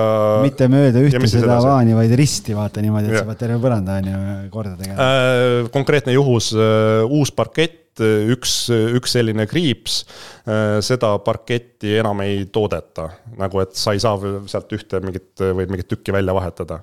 seda enam veel. no ja siis oli niimoodi, et äh, et äh, suhtlesin äh, siis äh, rendini tiimiga, ütlesin, et noh, et meil on selline olukord, üürnik ei maksa, ta ei vastanud telefonile enam, on ju, muidu kogu aeg sai kätte, ta oli hästi familiaarne ja selline kogu aeg suhtles ja nii edasi. ja siis mingi hetk enam ei reageerinud ja siis ma sain aru, et okei okay,, et noh, et nüüd inimene hoiab juba nagu eemale, et ta väldib nagu, ta on probleemist teadlik ja väldib ja siis ei saanud kuidagi kätte, siis mina proovisin helistada, siis Ken proovis helistada, siis me proovisime kolmanda numbri pealt helistada, siis ta, temaga käis korterit vaatamas koos äh, üks meesterahvas, kes väidetavalt ei, ei koli sisse, noh, tegelikult ma pärast seal teisi korterid käisin üürile andmas, ma nägin, et nagu jalutasid koos ringi kogu aeg seal on ju, et siis ma mõtlesin, et okei. okay ja siis oli niimoodi, et ehm, kuskil leidsin tema numbri ülesse, mul oli kuskil meilis oli olemas, helistasin talle, siis lõpuks saime sealtkaudu kätte. noh, siis äh, selgus, et äh, tohutus, ma ei tea, depressioon, ühesõnaga mingid ilged jamad. Ja, ja, ja raha ei ole ja, ja rahad seisavad kinni kuskil ja nii edasi. Ja siis, siis suhtlesin rendini tiimiga, öeldi, et noh, et ega siis, siis kõigepealt saatsime selle meeldetuletuse, et on võlgnevus et kui sellele ei reageerita, et siis tuleb erakorralise lepingu lõpetamise teade, nii sellele ei reageeritud, saatsime välja neliteist päeva. sellele muidugi ka mingit vastust ei tulnud. ja siis ma neljateistkümnendal päeval helistasin üürnikule, siis ta võttis vastu. siis ta ütles, et raha ei ole, kuskile minna ei ole, uut ei saa hotelli minna, ei saa ühtegi ladu võtta, et asju ära viia, mitte midagi ei saa, mul pole kuskile minna. ja ma seadusest tulenevalt tean, et ega sa ei saa mind välja ka tõsta, aga ta ei olnud nagu pahatahtlik, vaid ta lihtsalt oligi selg vastu seina ja ütles, et mul ei ole mitte midagi teha. ja siis äh, võtsin uuesti rendiniga ühendust ja, ja, ja pean ütlema ausalt, et ma ei osanud oodata, et see olukord nii kiiresti lahendatud saab, et minu meelest kui mälu ei peta, vist äkki oli nädal ja see üürnik oli korterist väljas, et äh, äkki sa kommenteerid omalt poolt, et äh, mis imeasja te teete või, või kuidas te selle olukorra lahendasite, et see nii kiiresti nagu omaniku jaoks nagu positiivselt lõppes? see positsioon, kus rendin on äh, võrreldes omanikuga, on, on täiesti teistsugune. ehk et meie teenime raha ainult siis, kui on äh, kõik õnnelikud, kui, kui on hästi ilma probleemideta toimiv siis üüri, üürileping. Konkreetselt sellel juhul noh, kus, kusjuures see on nagu, nagu ülitüüpiline, ongi, ongi, et inimene ei ole pahatahtlik, vaid ta jõuab elus kuidagi mingisse kohta, kus kohas tal ei ole raha, äh, kus kohas äh, tal on depressioon, kus kohas äh, ta ütleb, et jah, tuhat kakssada eurot on nagu korter, ma kaks kuud pole üüri maksnud, aga ma saan küll lubada endale seda. kohe, kohe varsti saab, saab kõik korda ja noh mitte kunagi, mitte kunagi. algis, usu mind, ma ei ole mitte kunagi võlgu olnud, kui see suur laekumine kohe tuleb ja kõik saab makstud. ma luban sulle. jah, see on, see on erinevad variatsioonid nagu, nagu üürniku jutust. Äh, see, on ka üks põhjus, mikspärast äh, siis äh, väljaspool rendiniturgu hästi tihti need probleemid venivad nagu paljude kuude pikkuseks, sellepärast et esimene asi on, et kus üür on. praegu ei ole, peetakse kinni järgmine kuu kindlasti, järgmine kuu on, kohe saab juba nagu mõne päeva pärast ja siis ja, ja, ja nii see läheb ja siis kuna paralleelselt ei, ei ole omanik teinud nagu siis juriidilisi samme et, et noh, kui on nagu selge, et okei okay,, see, see ei lahenegi, et, et siis üürivaidluskomisjon, kohtud ja, ja nii edasi ja nii edasi, vaid neid samme hakatakse tegema hiljem ja et neid samme nagu teha, siis sul on tarvis leida kusagilt jurist, maksta raha ja, ja nii edasi ja nii edasi, siis juh-, lõpebki kõik sellega, et, et saad vaadata Pealtnägijast mingit kurba lugu, kuidas keegi puuküürnik on kaks, kaks aastat kusagil sees elanud, eks ju. ehk äh, pikk jutt lühidalt, me aitame üürnikke, täpselt sama üürnik, kes ei tahtnud rääkida sinuga, rääkis väga hea meelega meiega, sellepärast et me ei nõudnud talt raha, vaid me siiralt üritasime teda aidata igal, igal sammul. ja ongi, et kui inimene vähegi saab aru, et tal on suures plaanis nagu kaks varianti, ehk et ühest küljest ettevõte koos suure kindlustusseltsiga läheb tema vastu kohtusse ja, ja teeb kõik, mis võimalikku ja, ja nendel inimestel on, on tahe ja ressursid ja, ja spetsialistid, et, et saada kätte sult see võlg või on siis see, et teeme niimoodi, et su võlg on nagu võimalikult väike, teeme maksegraafiku, sul ei ole kuskile asju panna, me organiseerime, ära muretse, homme kell kaheksa juhtub see ja, ja nii edasi, nii edasi, lihtsalt palun võta toru, vasta, ära, ära kao. ja niimoodi, niimoodi ongi võimalik lahendada ühe nädalaga asjad, mis võivad väga vabalt muutuda tavaolukorras puuküürnikuks. ja siis oli, noh, nädalaga ta sai sealt välja ja siis oli noh, siis me vaatasime need kahjud üle, et neid oli seal omajagu ja aga noh, ei midagi hullu, lihtsalt oli jah, täpselt, et kuskil oli kahepoolse teibiga pandud mingi suur noh, see korktahvel vaata seina või noh, mingid asjad, kus sa saad postitit panna ja asju ja, ja värki ja noh, see oli siis ära võetud, seal oli ilus sihuke nagu, sihuke mummuline sein oli nagu värvitükid kahepoolse teibiga olid kõik, kõik nagu välja tulnud ja seal üht, üht-teist koma veel ja, ja, ja lemmikloom oli neil, et, et see vist ei olnud väga hästi, nad ei puhastanud teda, et olid seal mingid tema tegevusest mingid jäljed ja ja kõik sai lahendatud, ma arvan, et üks kuu ajaga äkki vist oli siis äh, parandati need kõik need puudused ära ja tegelikult äh, enne seda veel ju paar nädalat äkki omanik sai kogu selle võlgnevuse ka kätte, nii et, et selles mõttes nagu. jah, see, seal oli vist mingi ligi kuus tuhat eurot oli ja, kogu, kogu see, kokku, see lugu. kokku see võlgnevus pluss need kahjud jah, et,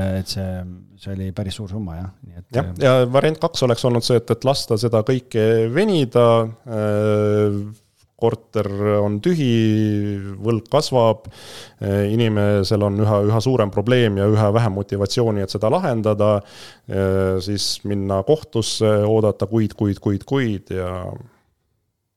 aga minu küsimus siit kas siis seesama case või nii-öelda sarnased case'id, et teie maksate nüüd omanikule selle raha välja, mis seal edasi seal taustal hakkab saama, et kuidas teie ikkagi selle nii-öelda võlgu jäänud üürnikult selle raha kätte saate? Ja kui, ja kui palju on neid olukordi, kus te reaalselt peategi kohtusse minema lõpuks mm? -hmm. et kuna see toode, mida me ehitame, äh, on siis äh, selline äh, sisuliselt eri, erinevad kihid, siis erinevaid toiminguid, nii juriidilised, ehk et kui, kui me te teame nagu päevast üks, et potentsiaalselt me võib-olla peame mingi pooleteist aasta pärast minema kohtusse ja hakkama võlgu välja nõudma ja, ja nii edasi, eks ju. et riskide juhtimine ongi nagu meie, meie toote olemus. siis noh, tavapäraselt sul on probleem Äh, siis äh, sa otsid äh, juristi, siis sa teed mingeid pabereid, siis sa lähed kohtusse, kohtus võidad, nagu palju õnne, sul on nüüd see võidupaber käes, siis selgub, et sellelt inimeselt ei ole mitte midagi võtta, noh, siis ongi, et, et mis, mis siis edasi saab, et kuidas sa selle raha kätte saad. et, et kuna me teame ja, ja toimetame siis nende probleemidega nagu suurte mahtudena, siis noh, iga iga toiming on tehtud õigel hetkel, äh, ka nagu, nagu selles lõpus, kus kohas me siis tegelikult inimesega reeglina, äh, kui äh, üürnik on siis seda, seda lugu kaasa mängiv ja meiega kaasa tulev ja, ja tahab päriselt oma probleeme lahendada, siis me teeme aga maksegraafiku, nagu ma ütlesin, et see on intressivaba ja, ja nii edasi, ehk et kui inimene peab sellest kinni, kõik on hästi, kui ei ole, siis äh, läheb see täit-, täitemenetlusse. et äh, konkreetselt sellel puhul me ei ole veel raha tagasi saanud ja me ei ole kindlad, et, et me seda üldse kunagi saame. Ikka raha on veel kinni, see suur arve ikka ootab laekumist veel, veel kaheksa kuud pärast olukorra lahenemist? Äh, noh, inimesel on elus tekkinud mingid, mingid muud prioriteedid, et äh, või võimalik, et ta, võimalik, et tal on raha olemas, aga, aga ta ei ole pidanud vajalikuks siis äh, asju korda ajada. okei okay,, ma, üks asi veel, mis ma tahan teada, kui palju on sellistes case ides puhast pahatahtlikkust versus siis ongi see, et on mingi nii-öelda elusündmus, mistõttu inimene sellesse rattasse satub ja, ja ta tegelikult eh, ei ole pahatahtlik, aga ongi nii-öelda raskes olukorras. kui palju on neid nii-öelda konkreetseid pätte, et paned näpu peale, ütled, et see on üks pahatahtlik inimene ja ta meelega tegi niimoodi? Äh, valdavalt inimesed ei ole pahatahtlikud, et äh, noh, ma ei tea, praegu, meil on üks, üks puuküürniku juhtum, kus, äh, kus inimene enam ei võta toru, ehk et ta ei ole kontaktis ei meiega ega, ega mitte kellegiga, uks on kinni, ta ei ava seda ja, ja nii edasi. kas ta on pahatahtlik, ma ei oska öelda või mis iganes tal nagu elus on nagu juhtunud, aga ikkagi reeglina inimesed äh, suhtlevad, äh, me saame aru, mis, mis nende elus toimub ja noh, mõnikord on see, et, et lihtsalt äh, kas, kas mingist sundseisust, et noh, kuida-, kusagil sa pead ju elama, kuidagi, kuidagi sa pead oma asjadega nagu hakkama saama. et kui sul ei ole maksta raha üüri eest, siis noh, sul on ka mingi küsimus, ma ei tea, umbes, et, et mida süüa, kui sul on laps, et noh, on ter-, terve rida mingeid kulusid, mida, mida sa ei saa oma elust lihtsalt äh, välja lõigata.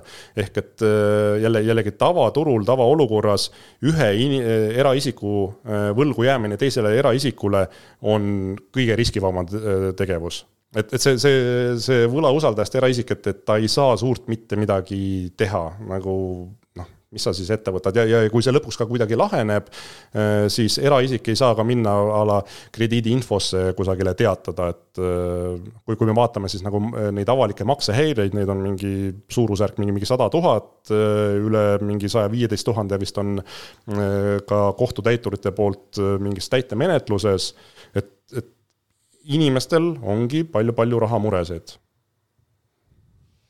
no ütleme nii, et noh, et see puuküürniku teema jah, tegelikult see on ikkagi nagu, selles mõttes on see ju nagu päris hull, noh, et kui sa ostad endale asja ja, ja jääbki sul, mõtle Siim, ostad korteri ja sul kaks kuu, kaks aastat näiteks rahavoogu ei ole ja keegi elab lihtsalt tasuta sees, et nagu. ma olen mõelnud selle peale, jah ära noh, rohkem ei tohi rääkida, muidu Siim ei julge ühtegi korterit osta enam, et aga üks küsimus, mis mul endal tekkis, see oli, see oli eile, kui ma mõtlesin, mõtlesin selle tänase saate peale ja. algisel tekivad kõik küsimused alati eile ja kõik inimesed helistavad talle alati eile. ja, et saate ajal ei helista keegi, ainult eile kogu aeg. et äh, teil on, saab valida, et kas teie arve maksab omanik või maksab üürnik, on ju. noh, siiamaani kõik lepingud, mis mina olen teinud, ongi see, et noh, üürnik maksab sellepärast, et see on see nii-öelda vahetuskaup siis, et sa ei pea panema, maksma seda deposiiti ja rendina esitab sulle iga kuu arve. ma eile tabasin nagu selle pealt, et tegelikult kuna noh, ma olen nii-öelda maaklerina juba selles mõttes nagu pool sammu võib-olla väga paljudest ees, et ma pakun sellist võimalust, et sa saad väiksemate kuludega kolida ja ma tegelikult, see annab mulle päris hea konkurentsieelise täna, siis, siis tegelikult, kuigi noh, see maht kasvab teil järjest, on ju, aga, aga te, mul tekkis eile see küsimus, et okei okay,, aga äkki peaks nagu selle lükke veel tegema, et panema veel selle, et üldse ei pea deposiiti maksma, et lepin omanikuga kokku, et kuule, maksa ise see kolmkümmend eurot ja paneme selle üürisumma sisse ja arvestame sellega, et see on seal juba sees. Maksad ise ära, mõtle, ma saan veel, mul on kirjas seal, et ilma ilma tagatisrahata, lemmikloomad lubatud, kõik need asjad, on ju, ja ja üürnik tuleb, ütleb, sa maksad, ainult wow. maksad üüri ja kõik, noh, et nagu ja kõik on silmad tagurpidi ja mõtle, milline turundus on ju, et äh, kui palju üldse omanikud ise täna kasutavad seda võimalust, et nemad maksavad seda mm,? sa, sa mõtled väga, väga õiges suunas, et äh, see kõik, kõik, mis sa ütlesid, on, on väga loogiline. ehk et kui me alustasime, siis tegelikult meil by default oli, äh, oli maksjaks üürnik, kuna turutestid näitasid, et noh, see deposiidi vabastus on, on piisav motivatsioon üürnikule, et, et nad noh, nii nagu ma ütlesin, et kus on see valikukoht, kaheksakümmend protsenti valib, et ma maksan pigem, äh, pigem seda tasu ja kuna enamik riskidest äh, tuleneb siis üürnikust, siis tundus see ka igati loogiline. Aga me tulime turule siis tegelikult äh, märts kaks tuhat kakskümmend, ehk et äh, see oli vist kaks päeva enne seda, kui, kui koroona lockdown algas. päris hea ajastus. see on nagu riskitootega turule tulemiseks on nagu best ever nagu, et, et me, me ei teagi mitte mingit muud aega kui koroonaaega ainult. ehk et jällegi, et, et kui me oleme. siit saab ainult paremaks minna. no just nimelt, et, et kui me oleme hakkama saanud, ellu jäänud ja, ja, ja tegelikult nagu väga-väga edukalt edukalt arenev nagu, nagu sellistes oludes, siis nagu tavaoludes nagu on see nagu no-brainer. Sorry, ma korra segan vahele, et tegelikult, kui, kui see teenus tuli ja mina just täpselt koroona ajal, minu meelest see oli ülihea argument, päevapealt koondati inimesi. et noh, et see on see kindlus, mille pärast peaks nagu rendini kaudu tegema, et siis sa tead, et kui üürnik muutub maksejõuetuks, siis sa saad oma raha kindlalt kätte mm, -hmm. et sa ei jää sellest ilma nagu jaa, aga, nüüd, nüüd, kui ma, et ei hakkaks jälle rääkima nagu maast ja ilmast, nagu ja. mul kipub olema, et ma üritan küsimusele lõpuks vastata. et, äh, et siis tegelikult me saime omanikelt endalt äh, signaali, et, et kuulge, et Airbnb korterid tulid turule, nad kaotasid oma, oma siis tavaäri, ehk et pakkumiste arv läks nagu nii suureks, et, et kuulge, et aga, aga kas te saaksite teha nagu sellise võimaluse, et me maksame ise, siis mul on nagu selgelt lihtsam leida üürnikku, ma ei pea ka selgitama mingit rendinit asja, noh, me turul olime täiesti tundmatud ja me tegime tõesti sinna siis äh, lepingusse sellise võimaluse. Äh, praegu, et omanikud maksavad ise, on nagu väga-väga selgelt kasvav trend. ehk et ma just vaatasin spetsiaalselt enne siia tulekut juba, juba viisteist protsenti omanikest on valinud nagu selle võimaluse. Algis, sul on viimane hetk äh, saanile hüpata ja no ma ütlesin, et ma olen siin geniaalne, vaata, tuleb mingi sihuke eureka on ju, noh, näed jälle siin kuskil diskole hiljaks jäänud. täitsa tüüpiline värk. aga ma mõtlen lihtsalt seda, et kuidas seda siis nagu üürnikule, seal on nagu jälle see nii-öelda peen ja oskuslik selgitustöö, et üürnikule ei jää seda muljet, et ah, nüüd on, tead, maa on must, on ju, et suva, deposiiti maksma ei pea, kõik asjad. et, et kuidas see selgitustöö siis nagu erinema peaks, et kui Siim nüüd järgmise korteri üürile annab ja ütleb, et kuule, et sa ei pea üldse deposiiti maksma, et ma maksan ise, rendini kaudu teeme ja ma maksan selle summa ise. kõik, et see annab mulle korterile siia kaitse peale, aga on sul mõni hea selline äh, disclaimer siia anda, et, et kuidas seda siis üürnikule kommunikeerida? Jah, äh, kusjuures meil on üks, üks juhus, kus äh, üürnik justkui sai aru, et, äh, et kindlustus katab kõik. ta, tal oli see, et jah, tõesti olen rikkunud, jah, tõesti tegin katki ja, ja ma olen valmis seda omavastutust katma ja, ja kõik on nagu väga-väga su suurepärases korras, sellepärast et kindlustus maksab tegelikult tema, ega see teda vastutusest ei vabasta ju siis? see, see ei vabasta teda vastutusest, aga noh, ongi, et kui me räägime mingist tuhande kuuesajast lepingust, siis, siis noh, üks ja võib-olla veel nagu ühe käe sõrmedel nagu, nagu mõned inimesed, kes, kes ei ole nagu üldse aru saanud, et äh, jällegi mingi talupoja mõistus nagu seda, et okei okay,, Äh, kindlustus on siis nagu selline asi, et kui ma nagu maksan mingi kümme eurot kuus, siis ma võin tekitada mitme tuhande eurose kahju ja see on nagu jumala fine, et et kus, kus, kus rock n roll kogu aeg maa must, et. et kus, kus siin nagu loogika on, et äh, jah, aga et mida, mida, mida öelda äh,, on nagu palun ole mõistlik, palun maksa oma üürid, palun maksa oma kommunaalid, ära rokka, pea puhtust ja ära lõhu, sellepärast et see on teise inimese vara, eks. et kui, kui sa tahad äh, endale luua eluviisi, mille tulemus äh, on, on mustus ja, ja katkine korter, siis noh, ma ei tea, pinguta, osta endale ise see.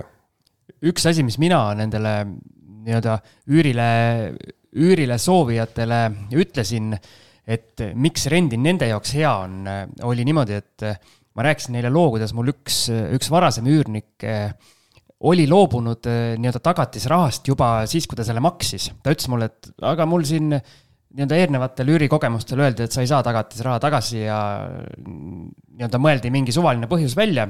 ja tema arvas, et mina talle ka ei maksa tagatisraha nii-öelda tagasi ja sellepärast meil tekkis probleem koristamisega. Ta ütles mulle lõpuks ausalt, et ega ma ei viitsinud koristada, sest ma teadsin, et ma tagatisraha tagasi ei saa Mm -hmm. et ma rääkisin üürile nüüd nii-öelda järgmistele üürnikele nii-öelda selle loo, et, et sinu nii-öelda kaitse on see, et rendin nii-öelda kaitseb sind selliste omanike eest, et kui mina hakkan sulle mingit jama ajama, et sa ei saa tagatisraha tagasi näiteks.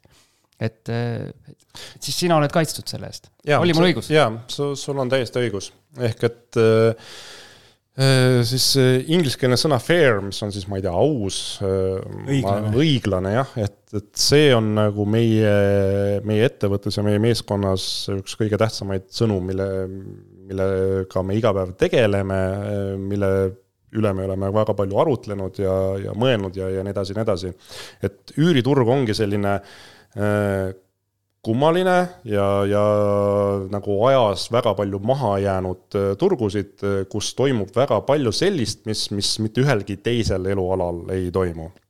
Ehk äh, jällegi, et kui, kui enamik riskidest on üürniku poolelt, nagu sellest saavad kõik aru, aga siis nagu omanikupoolsed riskid, noh, esiteks see, mis ma rääkisin, et, et inimene käitub probleemse üürnikuga nii, et et maksimeerida tegelikult selle, selle üürniku siis äh, võlga. ma nüüd näitan talle, on ju. jah, või, või ongi, et mingi, et noh, ma ei tea, ta ütles mulle, nüüd on see põhimõtte küsimus või, või, või midagi sellist, eks ju, äh, mille tulemusena sa tegelikult siis nagu konkreetse inimese ellu ja ühiskonda kui sellist nagu tekitad siis juurde hädasid, äh, mis nagu loogiliselt võttes ei, ei ole nagu äh, tänapäeva normaalse nagu inimese justkui elu eesmärk.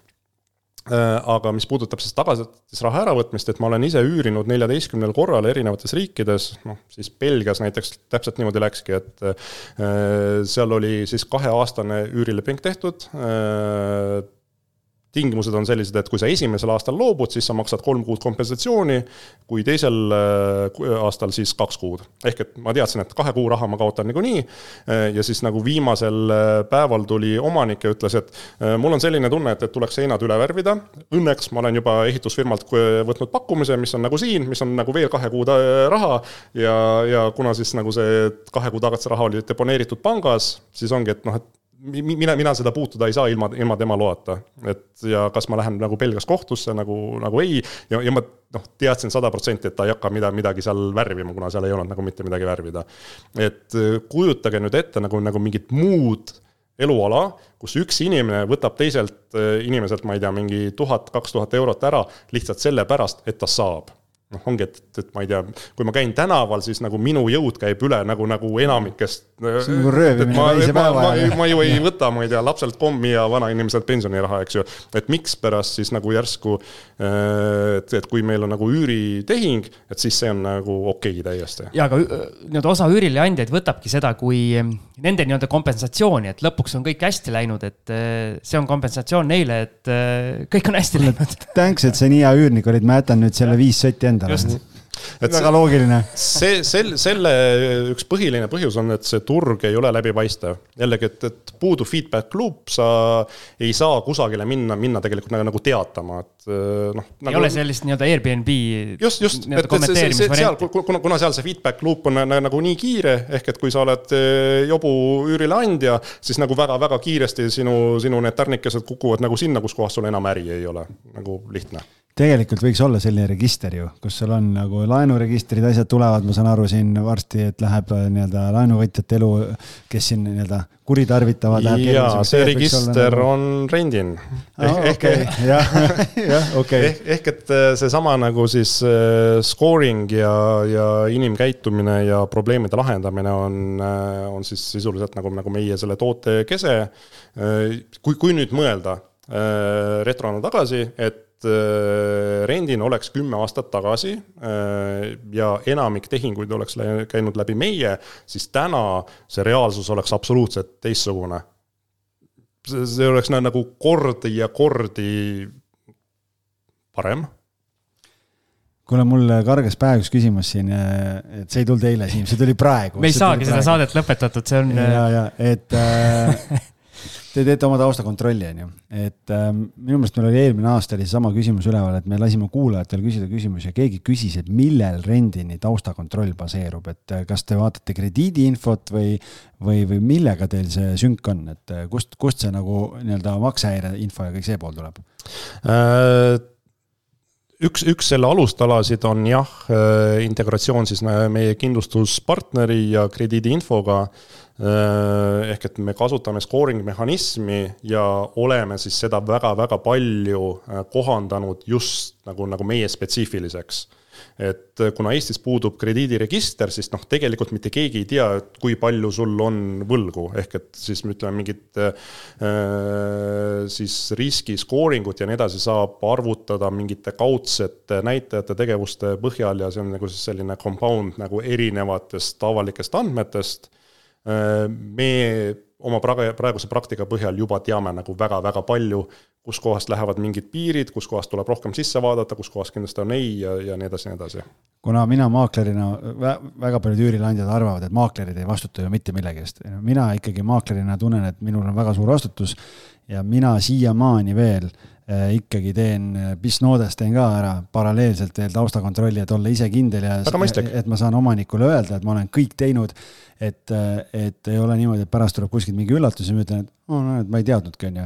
et nüüd seda teie kogemust ja seda krediidiinfot võttes, et kas mul reaalselt päriselt on seda vaja teha või ei ole täiendavalt sinna juurde äh,?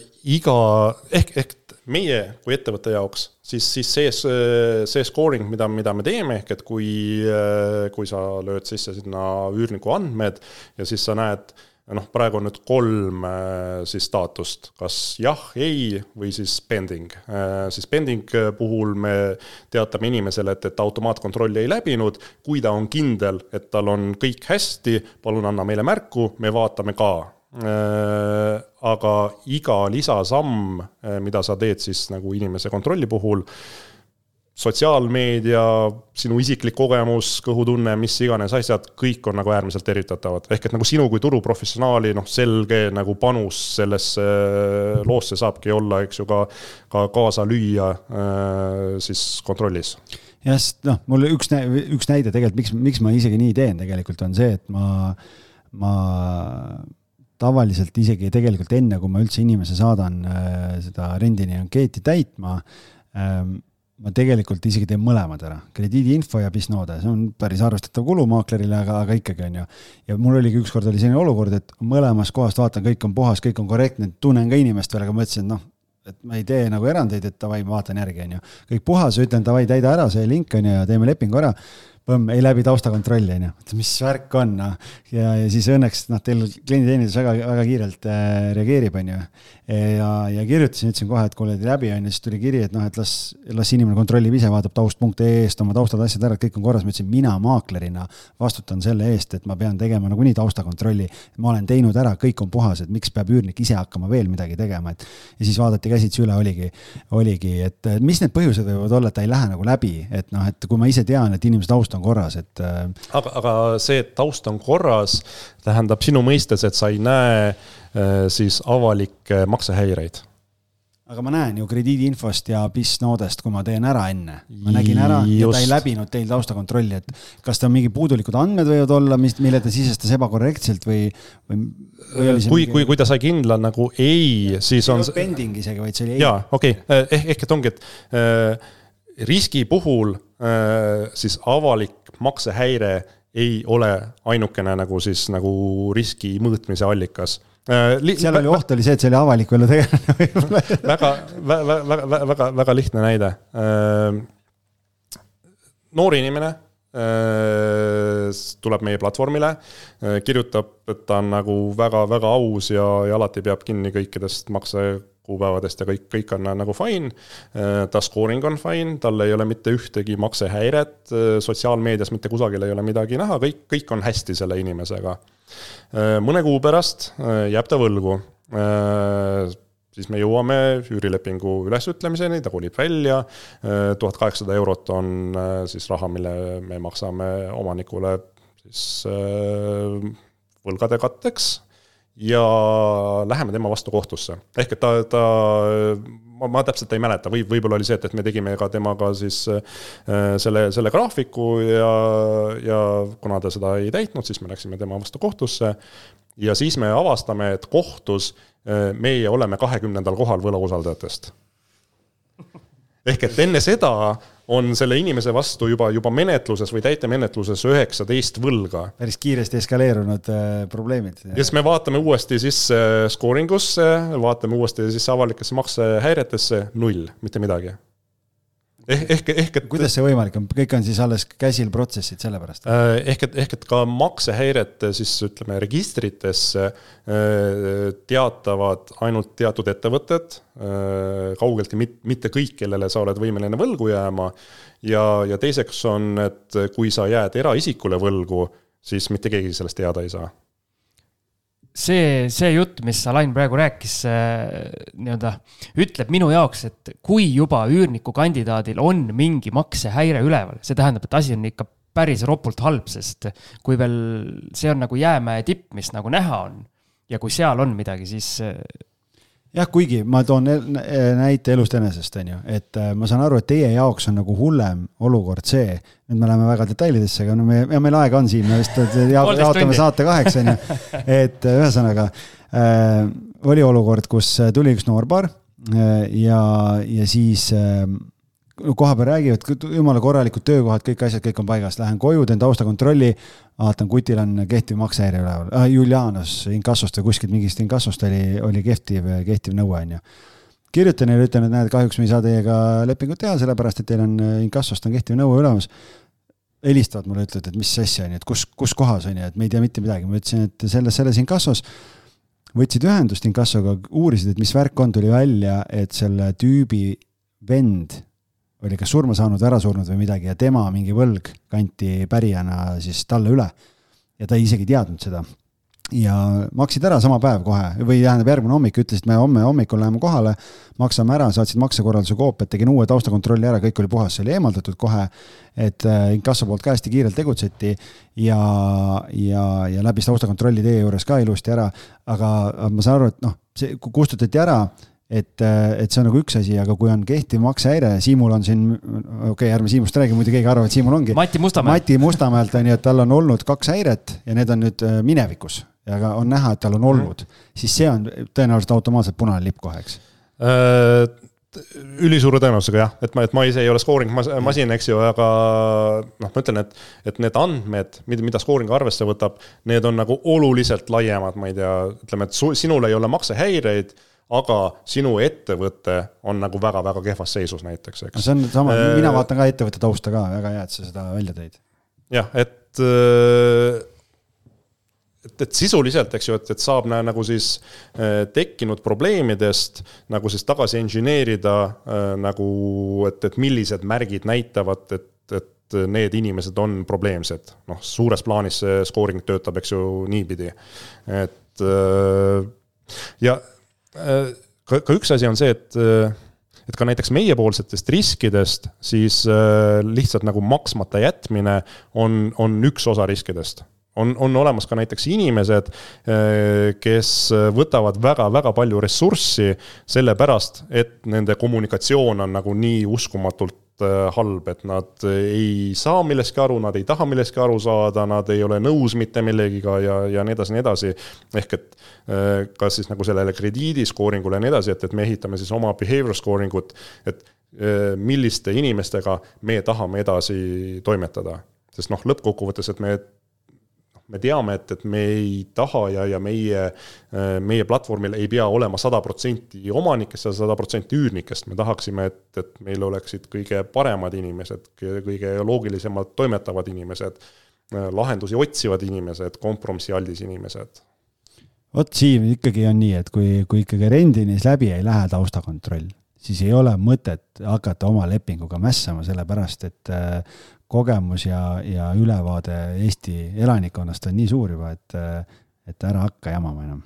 just nii, nii ma teengi. ma arvan, see on hea kokkuvõte vist, et ma arvan, ma võiks siia neid küsimusi tulistama jäädagi, et peame vist aasta pärast Vol kolme tegema, et et väga põnev, igal juhul väga-väga, ma ei tea, Siim, on sul veel küsimusi midagi? ei ole, meil on ajaloo pikkuselt teine saade praegu. no vot, et aga noh, see on nii oluline teema, üürnike teema. mul on küsimus äh,. mina te... olen pikem kui Siim okei okay,, siis küsimus number kaks. Äh, te olete mõlemad äh, professionaalsed maaklerid. mina ei Siim ole professionaalne Siim on üürilandja. mina olen ah, kõige tavalisem, äh, kuidas me ütleme, selline väike investor ahah, okei okay., no, no vot, et intro oli nagu kehva, nii et ma ei saanud isegi sellele pihta okay.. ma olen siis ma olen suvajorss siis, siis küsimus kõige pikemale ehk algisele. mikspärast maaklerid ei peaks kasutama Rendinit või, või siis nagu ja siis küsimus nagu slash, äh, mikspärast äh, nii vähesed maaklerid kasutavad Rendinit? mis sa arvad, mis see põhjus on? ma olen isegi andnud minu meelest kommentaari teile sinna, et, äh, et ma ei näe mitte ühtegi põhjust, miks ükski maakler või ükski omanik ei peaks kasutama, ma nagu päriselt, ma ei näe nagu mitte ühtegi varianti, miks seda tegema ei peaks, ma ei tea et äh, see on ka nagu mingi, mingi asi, mis, mis mul nagu peas nagu hästi kokku ei taha minna. ehk et äh, maakler turuprofessionaalina tegelikult ju müüb äh, usaldust ja, ja turvalisust omanikule. muidugi, sellepärast et see on ju noh, ütleme nii, et tegelikult maaklerina mina alati ju, kui ma lähen uut objekti võtma, ma selgitan omanikule kohe ära, ütlen, kuule, et näed, et, et on see klassikaline moodus, kas sa rendinist oled kuulnud midagi, ei ole, siis ma räägin talle ära, miks, miks see on kasulik, miks see on vajalik, kõik need asjad, enamus ütleb, et ei näe ei näe ühtegi põhjust, miks ei võiks või ei peaks sealtkaudu tegema, aga ütlevad, et aga noh, võiks ikka jätta nagu üürnikule selle valikuvõimaluse ikka ka, on ju, et noh, sellepärast ei taha ju head üürnikku nagu kaotada, on ju. et, et aga ma arvan, et maaklerite puhul tõenäoliselt on ja, ja omanike puhul, nii nagu Siimu puhulgi, et ega selle vana hobuse ümberõpetamine ei, ei ole lihtne, et kõik on oma harjumustes kinni ja, ja, ja see on äh, iga uus asi alguses võib-olla tekitab natukene noh, kui sa pead süvenema, selgeks tegema endale, kuidas sa selgitad kõik asjad, osad kas ei viitsi teha, eh, sellega tegeleda või, või võib-olla on ka see, et enamus maaklerid tahavad keskenduda rohkem müügile ja kui sul tuleb mõni üksik üüriobjekt, siis sa võib-olla mõtled, ah, teen selle lepingu ära ja kõik kogu aeg on sedasama lepingut tehtud, jah, mis seal on, on ju. ma ei tea, ma, ma ei tea selles mõttes, et mina mõtlen palju teist, nagu hoopis teistmoodi, et mulle esiteks maaklerina teie teenuse kasutamine annab juba selle eelise, miks ma seda nagu hästi kiiresti tahtsin kasutama hakata, on see, et et kuna see otseomanikult gruppe tekib ju juurde Facebookis ja omanikud arvavad, et ise, ise tehes, et jube hea, on ju. et, et ja noh, et kes ikka maakleritasu tahab maksta, nii kallis on üürnikul, on ju, noh, niisugune hea müüt. aga kui ma kasutan rendini, ma ütlen, näed, et sul on kulu on sama nagu omanikult üürides.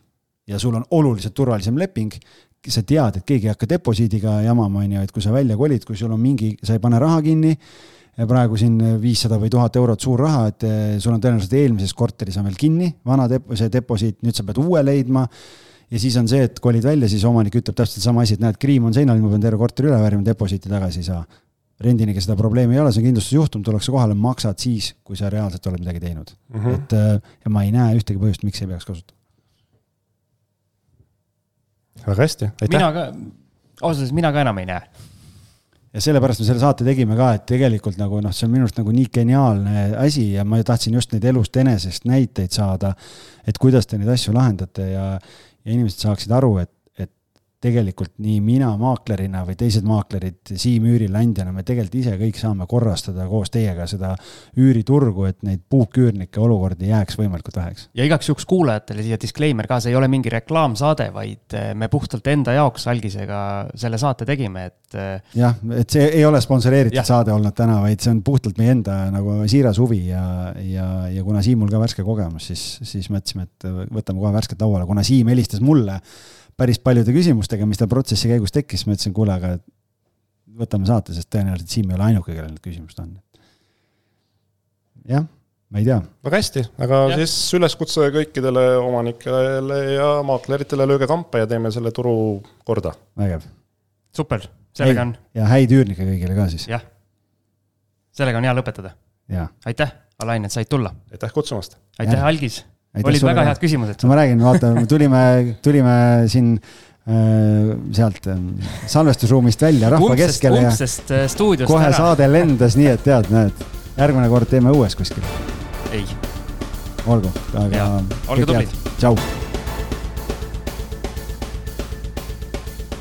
saadet toetab Estate Guru, juhtiv ärilaenude rahastamise platvorm Euroopas kiire, mugav ja paindlik finantseering sinu ideedele kinnisvara tagatisel. rahasta kinnisvaraarendust, üüri kinnisvara ostu või vabasta kapitali müügiperioodiks meie enam kui saja kümne tuhande investori toel. vaata lisa estateguru.co